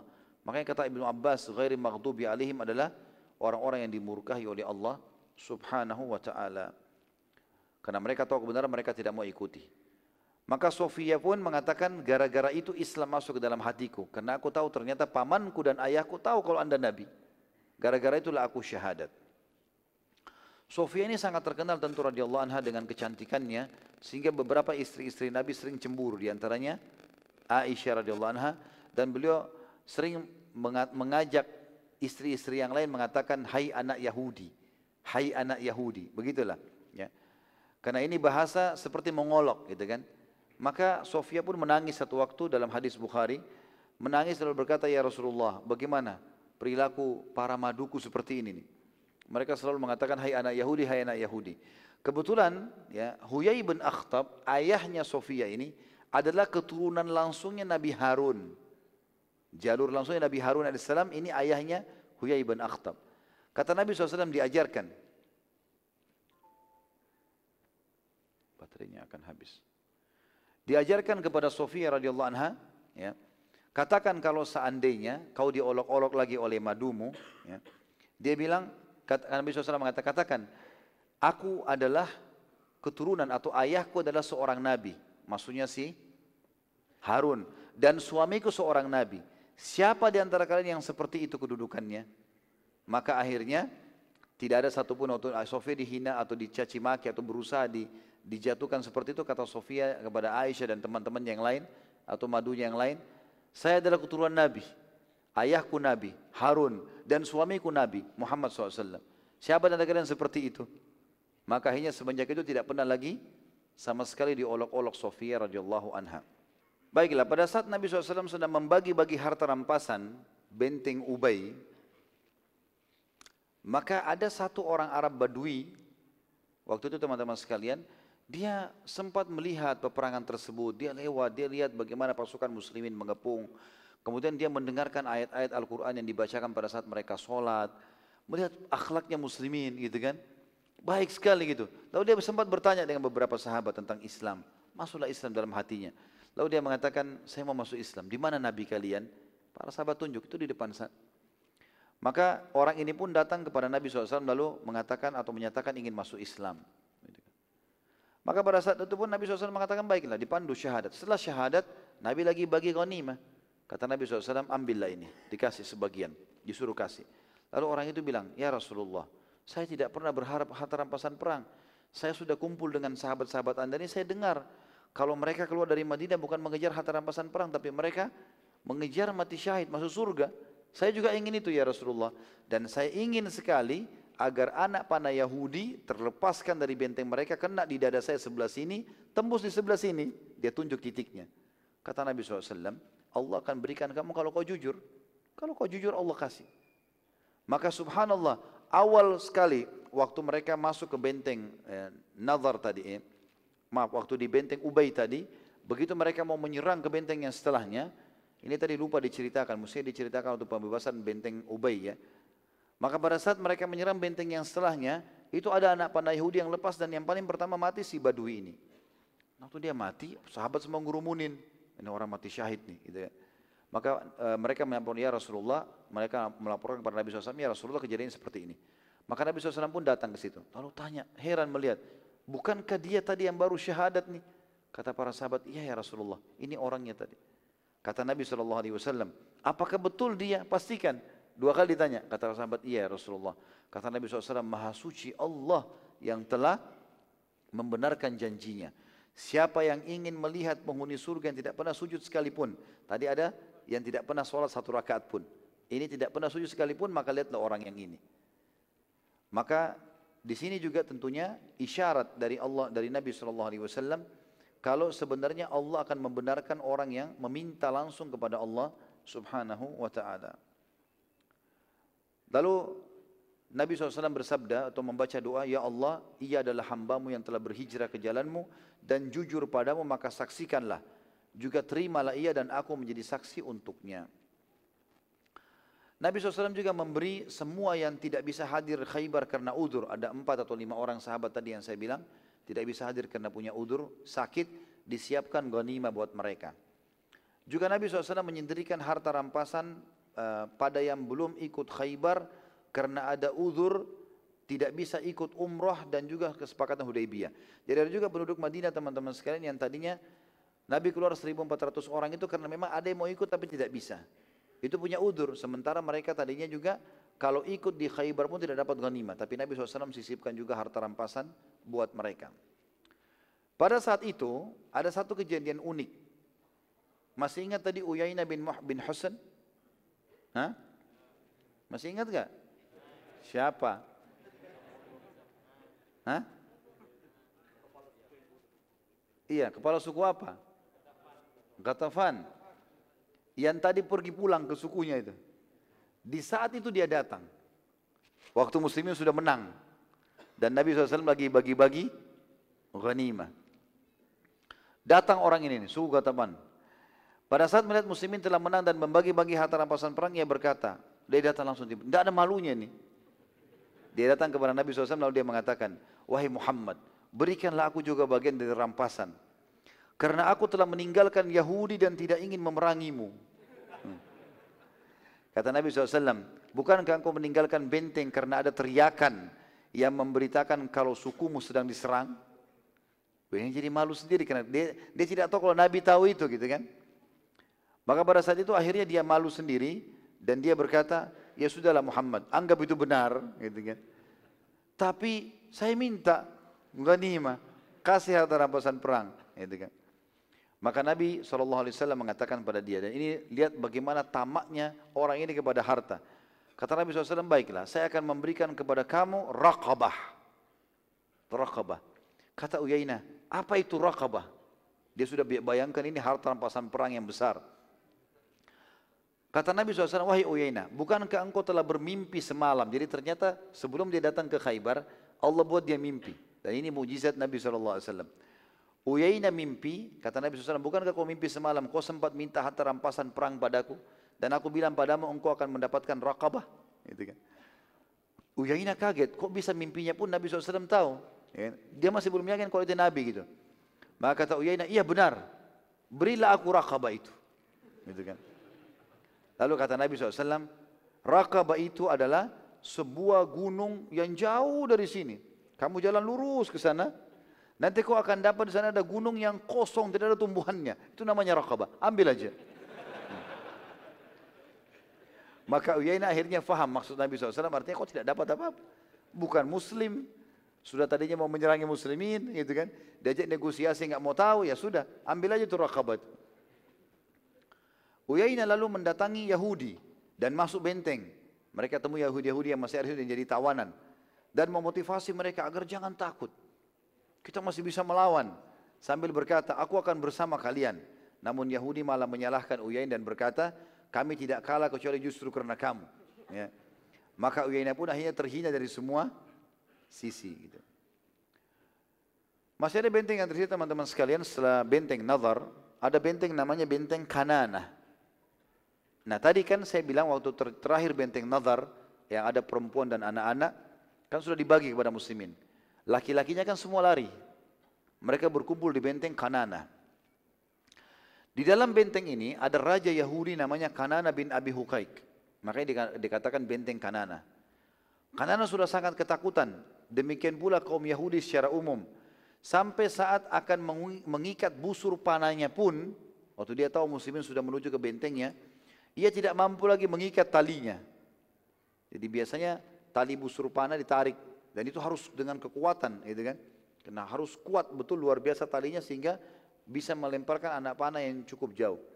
Dan Kanana ini terkenal ahli panahnya Yahudi yang sangat luar biasa mahirnya. Maka dia pun kaget waktu dia mau tarik tali untuk ikat itu sudah tidak mampu. Gemetaran tangannya. Maka dia sadar kalau sebenarnya dia sudah tidak mampu untuk bertahan. Maka ia pun menyatakan penyerahannya kepada muslimin. Kaum Yahudi waktu itu masih ada yang sebagian mereka menyatakan kita berdamai saja. Saat mencoba damai ternyata Nabi SAW sudah menolak. Karena damai sebelum perang. ya. Tapi sekarang Nabi SAW sudah mengepung mereka. Lalu berkata, kalau kalian mau boleh. Tapi tunduk dengan hukumku, bukan damai. Karena kalau damai tentunya masih bisa negosiasi. Tinggalkan kami begini segala. Tidak. Aku akan tidak akan perangi kalian tapi dengan syarat tunduk dengan hukumku. Aku bunuh-bunuh, aku bagi-bagi, aku bebasin-bebasin, terserah. Maka saking takutnya orang Yahudi waktu itu akhirnya mereka menyetujui apa yang Nabi SAW katakan. Dan waktu itu Nabi SAW memberikan syarat tiga. Yang pertama, Yahudi harus keluar dari Khaybar, bahkan keluar dari seluruh jazirah Arab menuju ke negeri Syam. Jazirah Arab bersih dari Yahudi, nggak boleh ada Yahudi. Yang kedua, Yahudi tidak boleh tidak boleh membawa harta. Tidak boleh membawa harta mereka. Baik itu emas maupun perak, tidak boleh sama sekali.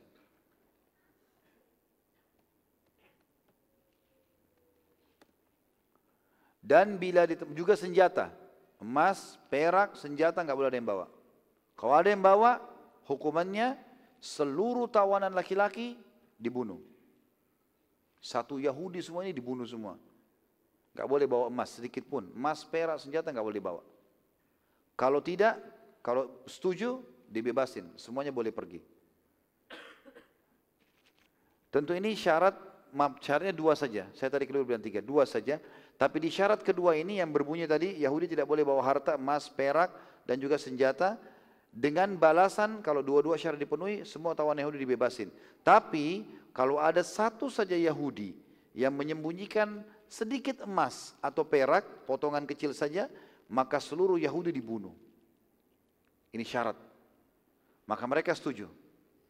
Nabi SAW waktu lihat mereka setuju, maka diizinkanlah mereka keluar dari benteng-benteng mereka dan boleh bawa apa saja kecuali tadi yang dikasih syarat. Harta tidak boleh, emas, perak, dan senjata tapi tunggangan mereka, unta, kambing, domba, segala macam, boleh mereka bawa. Muslimin waktu itu mendapatkan harta rampasan perang kurang lebih seribu tombak, empat ribu busur, empat puluh ribu pohon kurma, dan masih banyak yang lain disebutkan dalam buku sejarah. Empat puluh ribu pohon kurma, banyak sekali. Salah satu yang ditemukan oleh muslimin adalah kitab Taurat yang sangat tua dan ini dianggap kitab Taurat yang turun-temurun dari Nabi Musa alaihissalam. Maka Yahudi memohon agar Nabi SAW mengembalikan kepada mereka karena itu peninggalan mereka dan Nabi SAW tidak merusaknya dan menyuruhkan menyuruh sahabat untuk mengembalikannya. Dan ini menandakan juga kita harus menghormati buku suci orang lain. Walaupun kita sudah menang, jangan bakar Injil, jangan bakar Taurat, udah biarin aja. Dia minta kasih aja. Gitu kan? Tapi yang penting muslimin berkuasa dan hukum Islam diterapkan di situ. Khaybar saat itu adalah wilayah perkebunan terbesar di seluruh jazirah Arab. Sebagian Yahudi datang dan berkata kepada Nabi SAW, Wahai Muhammad, sebelum mereka pergi, Khaybar penuh dengan kebun-kebun luas. Bila engkau mau, biarkanlah kami tinggal di Khaybar dan mengurus kebun-kebun yang sekarang sudah milik kalian. Dan kami tinggal di sini sebagai pegawai kalian, bukan lagi pemilik. Karena sudah menang. Kami hanya meminta, berilah kami tempat tinggal dari rumah-rumah kalian ini sebagai tumpangan saja. Jadi kami sekarang bukan lagi rumah ini, kebun ini lagi oh, bukan kami, Khaybar bukan punya kami, semua bukan, punya kalian. Kami jadi pegawai, kami sekarang jadi sahaya semua. Nih, gitu kan. Jangan usir kami ke negeri Syam, kami tetap kelola semua ini. Izinkan kami tinggal di rumah-rumah kalian, bukan rumah kami. Jadi terserah muslimin, misalnya muslimin mau si fulan tadi rumahnya di sini. Boleh tinggal situ kembali atau boleh tinggal di tempat lain, terserah. Dan hasil perkebunan yang kami minta, selain kami diberikan tempat tinggal, dibagi dua antara kami dengan kalian. Maka Nabi SAW pun menyetujui syarat tersebut. Mengizinkan Yahudi untuk tinggal di Khaybar. Pada saat Nabi SAW masih di Khaybar, salah seorang muslimin ternyata menemukan ada emas dan perak disembunyikan di rumahnya Kanana bin Abi Huqaid, raja mereka. Kata dia syaratnya nggak boleh. Kalau ada emas dan perak harus serahkan semua semua muslimin. Kalau ada yang sembunyi satu, semua Yahudi dibunuh. Uniknya ditemukan emas dan perak di rumah raja mereka, saking cintanya sama harta. Padahal ini bahaya sekali, bisa dibunuh semua Yahudi. Maka justru Qanana bin Abu Hunaik ini yang, ini yang menandatangani ya, meng syarat yang diberikan oleh muslimin. Nabi SAW lalu memerintahkan Al-Qanan bin Habib didatangkan. Datangkan dia. Dengan adiknya yang namanya Rubayyi. Ini Rubayyi ini termasuk orang yang uh, menandatangani atau menyetujui kesepakatan tersebut dengan muslimin. Mewakili orang Yahudi. Pada saat itu pun kata Nabi SAW, apa ini Kanana? Kau yang sepakat. Kenapa kau hianati? Maka Kanana sangat ketakutan karena sesuai syaratnya Yahudi semua harus dibunuh. Gitu kan?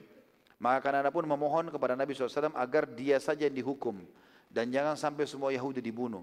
Maka Nabi SAW memerintahkan agar Kanana dan adiknya Rubayyi itu untuk dibunuh di hadapan seluruh Yahudi. Maka dibunuhlah raja mereka.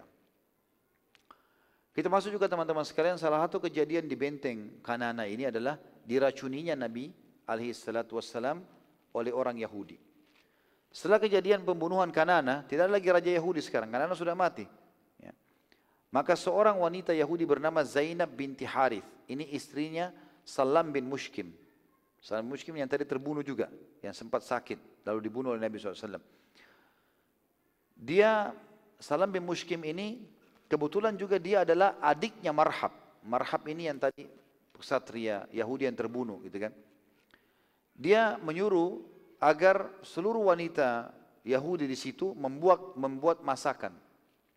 Dengan cara dia izin ketemu dengan Nabi SAW dan berkata, wahai Muhammad, kalau engkau telah memaafkan kami, artinya kami berterima kasih karena engkau telah memaafkan kami, walaupun raja kami Kanana sudah mati, suamiku Salam sudah mati, dan ini kami berterima kasih tetap karena engkau telah mengizinkan kami tetap tinggal di Khaybar, maka izinkanlah kami para wanita Yahudi membuatkan makanan untuk kalian semua. Nabi SAW itu setuju. Baiklah, silakan masak. Karena jumlah wanita yang safar bersama Nabi SAW berapa orang? 20. Enggak cukup kalau untuk masak untuk semua pasukan seketika. Maka wanita Yahudi dibiarkan masak. Tapi ternyata wanita ini Zainab ini punya niat buruk. Dia meletakkan racun pada makanan Nabi SAW. Setelah makanan siap teman-teman sekalian, dan datanglah makanan itu kalau kita menggunakan nampan-nampan yang besar ya, diisi dengan domba-domba ya, yang dimasak dengan sangat bagus, ya ditaruh dengan roti-roti gandum, lalu dipikullah dengan banyak orang-orang Yahudi. Ya, waktu itu dipikul oleh mereka. Dihidangkan, dihidangkanlah untuk Nabi Shallallahu Alaihi Wasallam dan uniknya khusus wadah atau e, nampan yang untuk Nabi SAW itu ditaruh paha kambing yang besar. Yang lainnya utuh kambingnya. Dan para sahabat sangat tahu kalau Nabi SAW sangat gemar dengan paha kambing. Dihidangkan di depan Nabi SAW dan para sahabat kebetulan waktu itu sudah berapa hari sangat kelaparan. Maka waktu itu mereka tunggu Nabi SAW. Nabi SAW melihat makanan tersebut sudah siap, sahabat juga sudah kelaparan. Beliau pun mulai mencuil paha kambing itu. Begitu dicuil dimasukkan di mulut beliau, para sahabat kemudian mulai mau makan dan kelaparan. Tiba-tiba kata Nabi SAW, kufu aidiyakum. Tahan tangan kalian. Sahabat ini sudah ada yang cuil mau masuk di mulutnya. Berapa hari nggak makan kelaparan. Ya Rasulullah lapar nih. Ya. Kata Nabi SAW, kufu aidiyakum, tahan tangan kalian, jangan ada yang makan, berhenti. Sahabat semua berhenti, pasti ada masalah besar nih. Kata Nabi SAW, panggil pendeta-pendeta Yahudi yang ada di sini. Panggil semua, datang mereka semua. Lalu Nabi SAW menanyakan pertanyaan yang unik luar biasa teman-teman sekalian. Kata Nabi SAW, Ya ma'syaral Yahud, Antum musaddiqi in sa'altukum an syai' Hai Yahudi, jujur nggak kalau saya tanya sesuatu? Kata orang Yahudi, tentu saja. Kami akan jujur. Gitu kan. Maka Nabi SAW menanyakan tiga pertanyaan teman-teman, tapi dua ini menjebak mereka. Kata Nabi SAW, siapa kakek kalian? Pertanyaan pertama, Ternyata orang-orang Yahudi yang tinggal di Khaybar ini, yang kebetulan tinggal di Jazirah Arab waktu itu, ada Yahudi tinggal di wilayah lain. Tapi yang khusus di sini teman-teman sekalian, mereka punya kakek, kakeknya ini lemah secara fisik, ya. Tapi pemimpin Yahudi, keturunannya sedikit tidak banyak, hartanya sedikit, bukan orang yang yang yang punya kreativitas yang besar. Maka orang-orang Yahudi di sini karena keturunan-keturunannya banyak kesatria segala macam, mereka malu nisbatkan diri kepada itu. Dan orang Yahudi teman-teman sekalian satu-satunya mungkin suku di dunia ini yang berani menghapus nasab mereka. Dihapus. Jadi tidak suka kakek ini, kakek ini kayaknya lemah nih, ganti namanya. Kakek sana. Gitu loh. ganti nama. Sama orang tidak suka ayahnya, diganti nama ayah. Ayah ini tidak bagus, ganti nama ayah sana, karena itu pemberani. Padahal bukan itu pemilik spermanya. Maka mereka rahasiakan, yang tahu cuma pendeta Yahudi. Kata Nabi SAW, siapa kakek kalian? Itu pertanyaan pertama. Kata mereka, Fulan bin Fulan, yang paling hebat. Ada satu kakek mereka, rupanya kakek lain, orang Yahudi lain, tapi terkenal kesatria, keturunannya banyak, orangnya kaya raya. Kata Nabi SAW, kalian bohong. Ya. Kakek kalian Fulan bin Fulan. Nabi tahu, dari wahyu. Diam orang-orang Yahudi.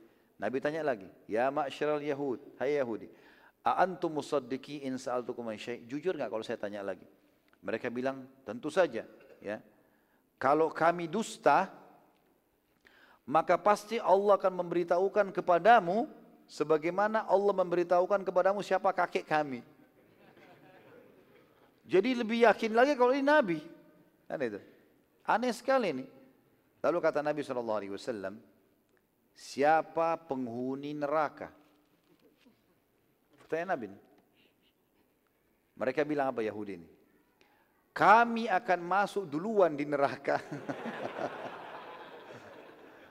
Lalu akan digantikan oleh kalian muslimin. Kata Nabi SAW, kalian bohong. Kami tidak akan pernah demi Allah menggantikan kalian. Ini luar biasa, di depan para sahabat Nabi buka semua itu. Ya kan? Mereka ngakui, kalau kami dusta, pasti Allah akan beritahukan kamu sebagaimana Allah telah memberitahukan kepadamu tentang siapa kakek kami. Berarti mereka tahu ini Nabi. Lalu Nabi tanya sekarang, siapa penghuni neraka? Dengarin ini semua muslimin. Mereka bilang, kami masuk duluan. ini unik sekali. Ya. Kami masuk duluan, baru nanti digantikan kalian. Kata Nabi kalian dusta, kami tidak akan pernah gantikan kalian.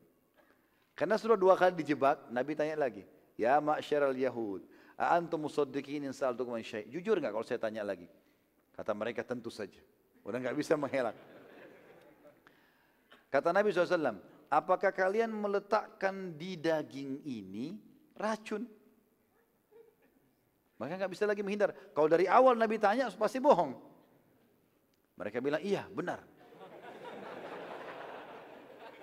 Nabi tanya, kenapa kalian taruh itu? Mereka bilang begini, kami mau membuktikan apakah benar kau Nabi atau bukan. Kalau kau Nabi kau akan selamat dari racun itu. Tapi kalau kau hanya raja pembohong, kau akan mati kena racun kami dan kami akan berkuasa kembali. Berarti mereka tahu, Nabi kan sekarang tahu kalau itu ada racunnya. Mereka tahu ini Nabi. Lalu kata orang-orang Yahudi apa? Wahai Muhammad, kami mau tanya, dari mana kau tahu itu? Dari mana semua kamu tahu, terutama masalah racun itu? Dalam riwayat Bukhari dikatakan Nabi SAW mengangkat paha kambing itu sambil mengatakan, Akhbarani hadad dhira. Aku telah diberitahukan oleh paha ini kalau aku diracuni. Jadi sebenarnya paha kambing yang sudah dimasak bicara kepada Nabi alaihi salatu wassalam. Dan ini kejadian yang luar biasa. Ada salah seorang sahabat teman-teman sekalian namanya Bishir bin Bara radhiyallahu anhu. Sahabat ini sempat waktu Nabi tadi makan, masukin di mulutnya, kena laparnya dia cuil dia juga makan. Tapi waktu Nabi bilang tahan tangan kalian dia sudah telanjur telan.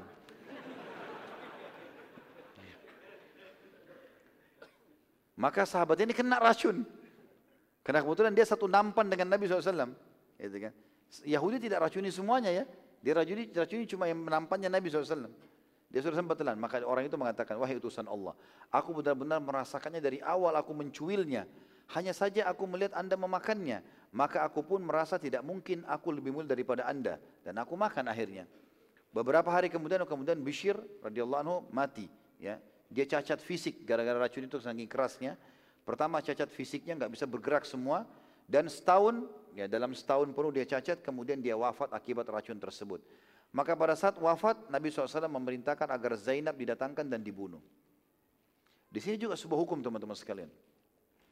Bagaimana Nabi SAW tidak langsung menghukum Zainab yang mema mema mema memasukkan racun karena Nabi tidak kena racun itu. Jadi belum berhasil. Seperti itulah ya. Jadi beda hukumannya orang yang ketangkap memang sudah mencuri atau orang yang baru mau mencuri. Beda. Orang baru mencungkil pintu, belum ambil barang, kepergok. Dengan orang yang sudah ambil barang, pegang barang, kemudian dia mencuri. Yang yang kedua dipotong tangannya, yang pertama tidak. Diingatkan, ditakzir, Dihukum boleh dipukul, digebukin, cambuk itu tidak ada masalah. Peraturan pemerintah setempat kata ulama ditakzir, dihukum, menyakitkan buat dia supaya dia kapok. Karena dia belum sempat mencuri. Seperti itulah. Nah di sini Zainab waktu meracuni Nabi SAW belum kena, maka Nabi tidak hukum Zainab.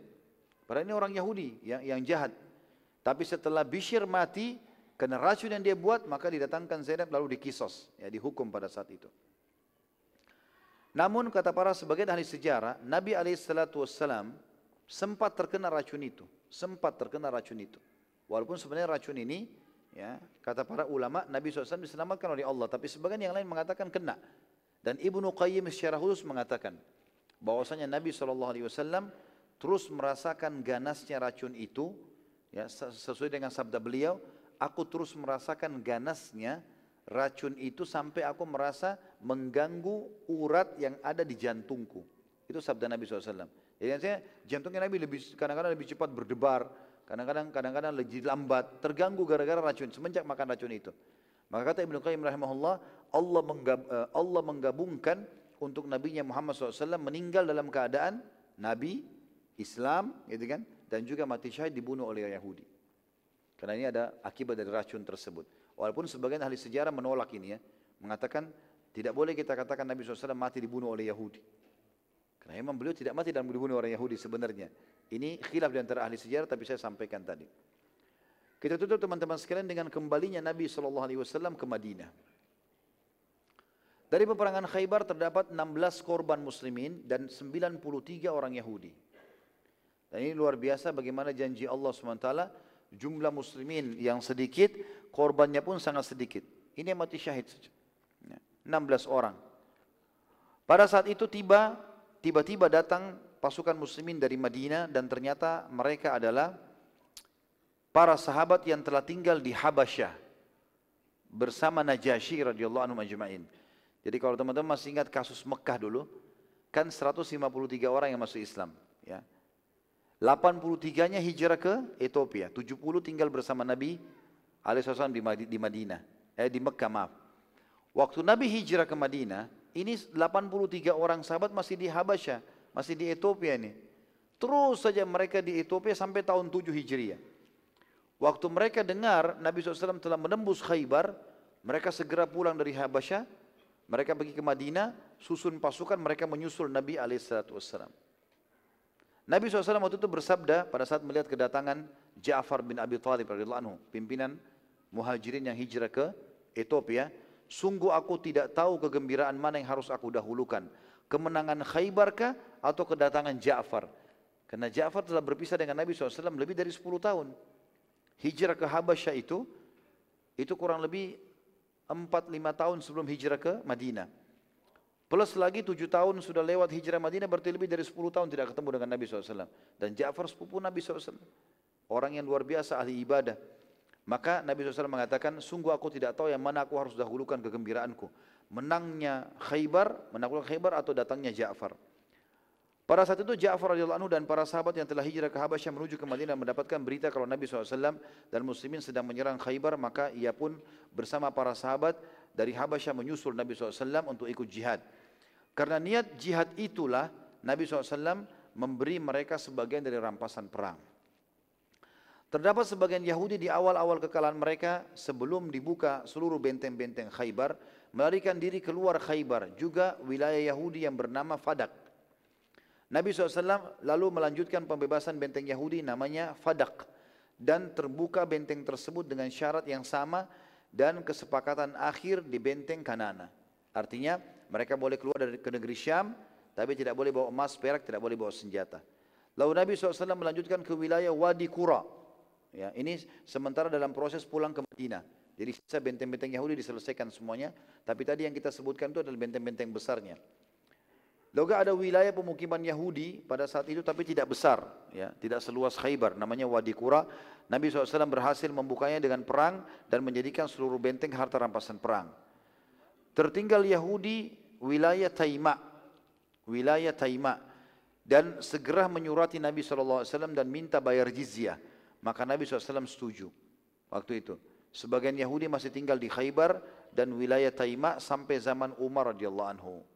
Jadi ini wilayah Taima ya mereka jizya sampai Nabi SAW meninggal, sampai Abu Bakar meninggal, sampai zaman Umar bin Khattab. Wilayah Khaybar juga tetap mereka jadi hamba sahaya muslimin dan mengelola kebun tadi. Tapi dengan syarat mereka bagi dua dengan muslimin hasil kerjanya karena mereka sudah tahu bagaimana bekerja kebun-kebun itu. Hanya saja di zaman Umar bin Khattab dan Anhu, Umar mengusir seluruh Yahudi. Umar mengusir karena pengkhianatan mereka. Ya. Umar mengurus Yahudi Khaybar setelah mereka membunuh salah satu muslim yang ada di situ, datang ke sana lalu cekcok sama Yahudi, lalu kemudian dibunuh oleh muslimin dibunuh oleh orang-orang Yahudi lalu mereka menolak untuk menyerahkan kepada Umar pembunuhnya. Maka seluruhnya wilayah Khaybar diusir oleh Umar bin Khattab dengan pasukan muslimin. Mereka semua pergi ke negeri Syam dan tersisa hanya Yahudi Taima karena mereka tidak buat masalah juga tetap membayar jizyah.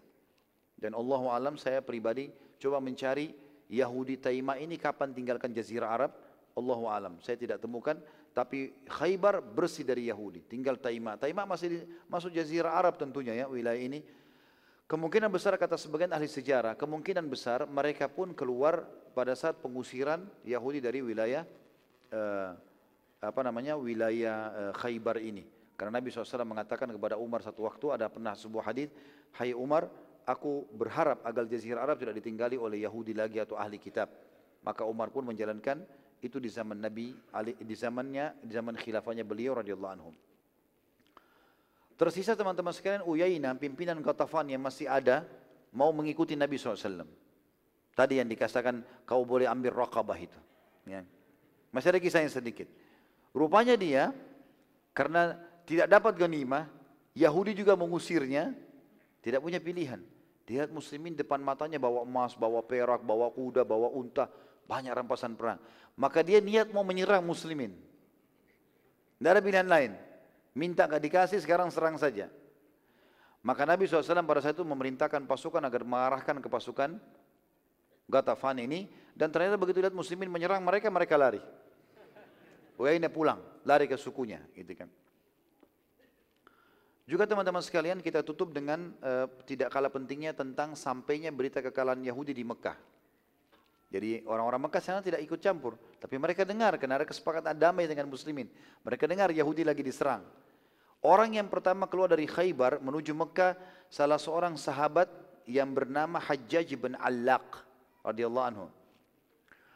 Hajjaj ini adalah seorang badui yang tinggal di sekitar Khaybar dan menyaksikan bagaimana Nabi SAW dan muslimin memenangkan peperangan.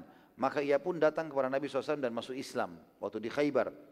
Setelah syahadat ia berkata kepada Nabi SAW, Ya Rasulullah, wahai utusan Allah, sungguh aku memiliki harta yang cukup banyak di Mekah, di tangan orang-orang Quraisy. Apakah boleh aku mengambilnya? Kata Nabi SAW, ambil saja. Kata Hajjaj, tapi utusan Allah, aku harus berdusta untuk mengambil itu. Karena ini masalah ini. Aku tidak bisa mengatakan hal yang lain. Ya, karena aku sudah muslim, mereka tidak tahu aku muslim. Kata Nabi SAW, baiklah, ambil hartamu.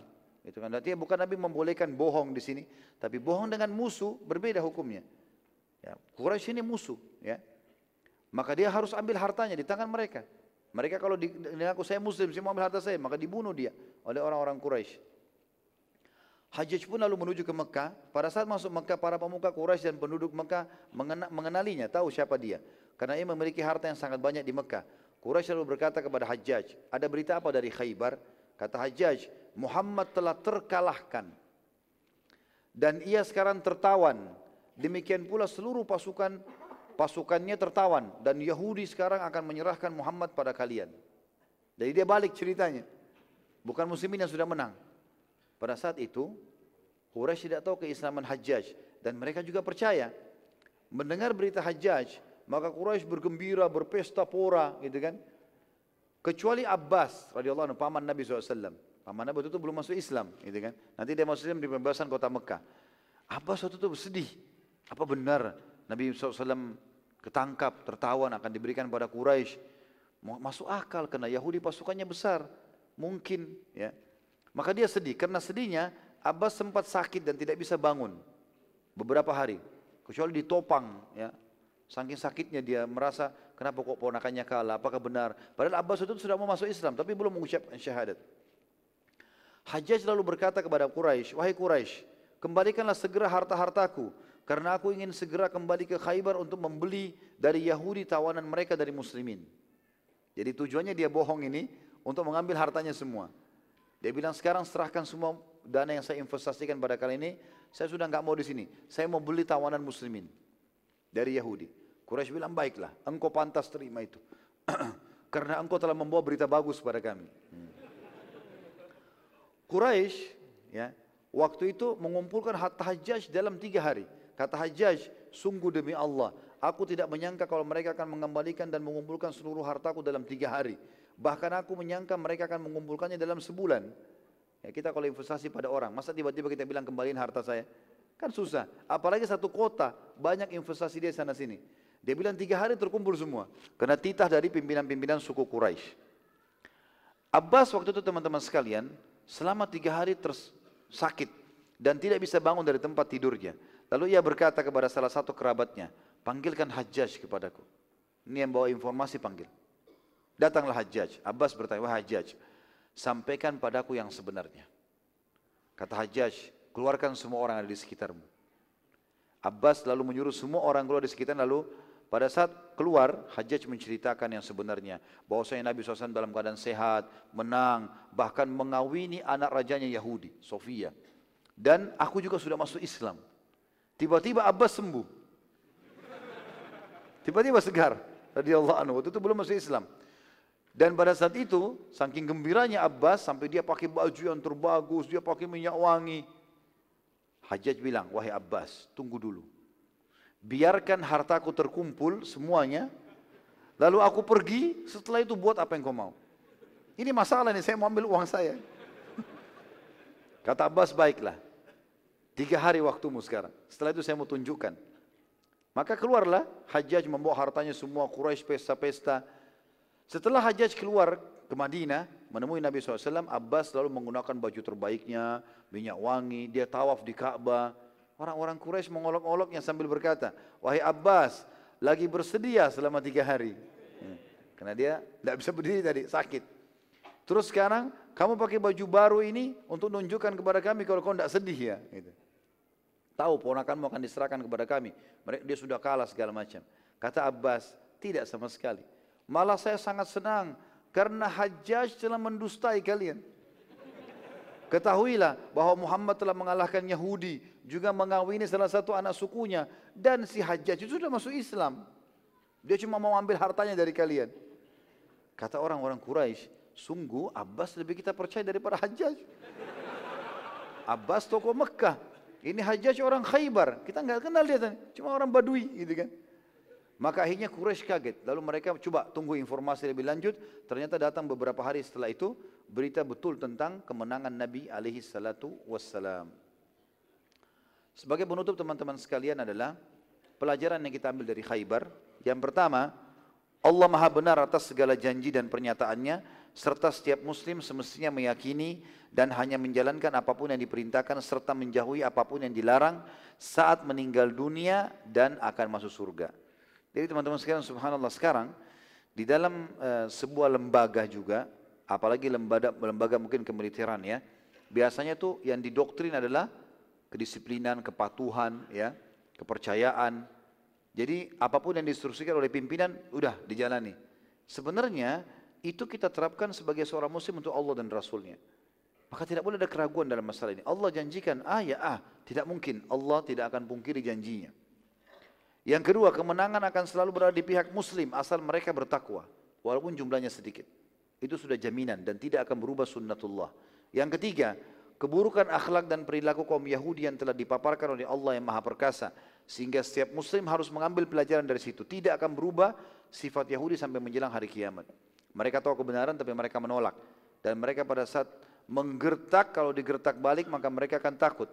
Mereka juga selalu sifatnya berkhianat. Mau meracuni muslimin, mau menjahati muslimin. Dan mereka kalau berargumen, kalau dibalas maka mereka tidak bisa menjawab. Dan ini sudah jelas semua yang dipaparkan dalam histori tadi. Atau sejarah tadi. Kemudian yang keempat, jihad adalah sumber kekuatan dan kemudian muslimin. Pada saat ditinggalkan akan menghinakan mereka. Nabi SAW tidak pernah meninggalkan jihad. Maka pemerintah Islam yang resmi semestinya harus membela hak, hak martabat dan haknya muslimin. Gitu kan? Kalau memang mereka terdesak, mereka dihukum, mereka dijajah, seperti kasus Myanmar, kasus uh, Palestina, ya, itu tidak boleh didiamkan mesti oleh para pemimpin Muslim. Harusnya mereka membela dan pada saat itu kalau mereka yang kumandankan jihad maka kita semua boleh ikut. Karena harus izin pemerintah setempat gitu kan. Dan tidak boleh kita mengarang-arang ini teman-teman sekalian karena jihad yang terjadi di zaman Nabi SAW sesuai dengan instruksi Nabi SAW sebagai pemerintah pada saat itu. Kemudian yang kelima, jihad adalah sumber rezeki yang halal dalam mengambil ghanimah karena Allah SWT telah menghalalkan untuk Nabi SAW dan muslimin. Ya. Ini tentu ada sabda Nabi SAW, sesungguhnya telah diharamkan uh, ghanimah untuk nabi-nabi sebelumku dan dihalalkan untukku. Dalam riwayat ini dikatakan kalau seluruh nabi-nabi sebelumku dulu mengumpulkan ghanimah atau rampasan perang, uh, kalau mereka menang maka dikumpulkan lalu ditumpukan lalu nabi tersebut berdoa, kemudian Allah turunkan petir dari langit yang membakar rampasan perang tersebut. Gitu kan? Maksudnya dari dari harta benda ya. Kalau manusia dan hewan-hewannya tidak ada hubungannya, tapi harta benda, tapi dihalalkan untuk kaum muslimin. Juga yang terakhir adalah teman-teman sekalian Yahudi Khaybar dan Fadak menjadi budak muslimin dan terusir di zaman Umar bin Khattab radhiyallahu anhu. Ini bahasan kita teman-teman sekalian dan insya Allah kita akan lanjutkan nanti malam dengan izin Allah kejadian setelah pembebasan Khaybar. Apa yang terjadi setelah Nabi SAW pulang ke Madinah, apakah beliau tinggal diam, apakah beliau masih melakukan penyerangan-penyerangan. Ini semua akan kita bahas insya Allah pada pertemuan kita yang akan datang. Dan seperti biasa teman-teman, pertanyaan belum kita buka sekarang. Nanti malam insya Allah, setelah materi kita malam nanti, pertanyaan antum pada pagi ini yang sesuai dengan tema akan dikumpulkan dan insya Allah akan dibacakan pada malam nanti. Allahu alam. Mungkin begitu saja tentunya teman-teman sekalian bahasan kita. Mudah-mudahan apa yang kita bahas hari ini bermanfaat buat kita. Dan kalau ada benar pasti dari Allah, kalau ada salah pasti dari saya mohon dimaafkan. Subhanakallahumma bihamdika. Asyhadu an la ilaha illa anta astaghfiruka wa atubu ilaik. Wassalamualaikum warahmatullahi wabarakatuh.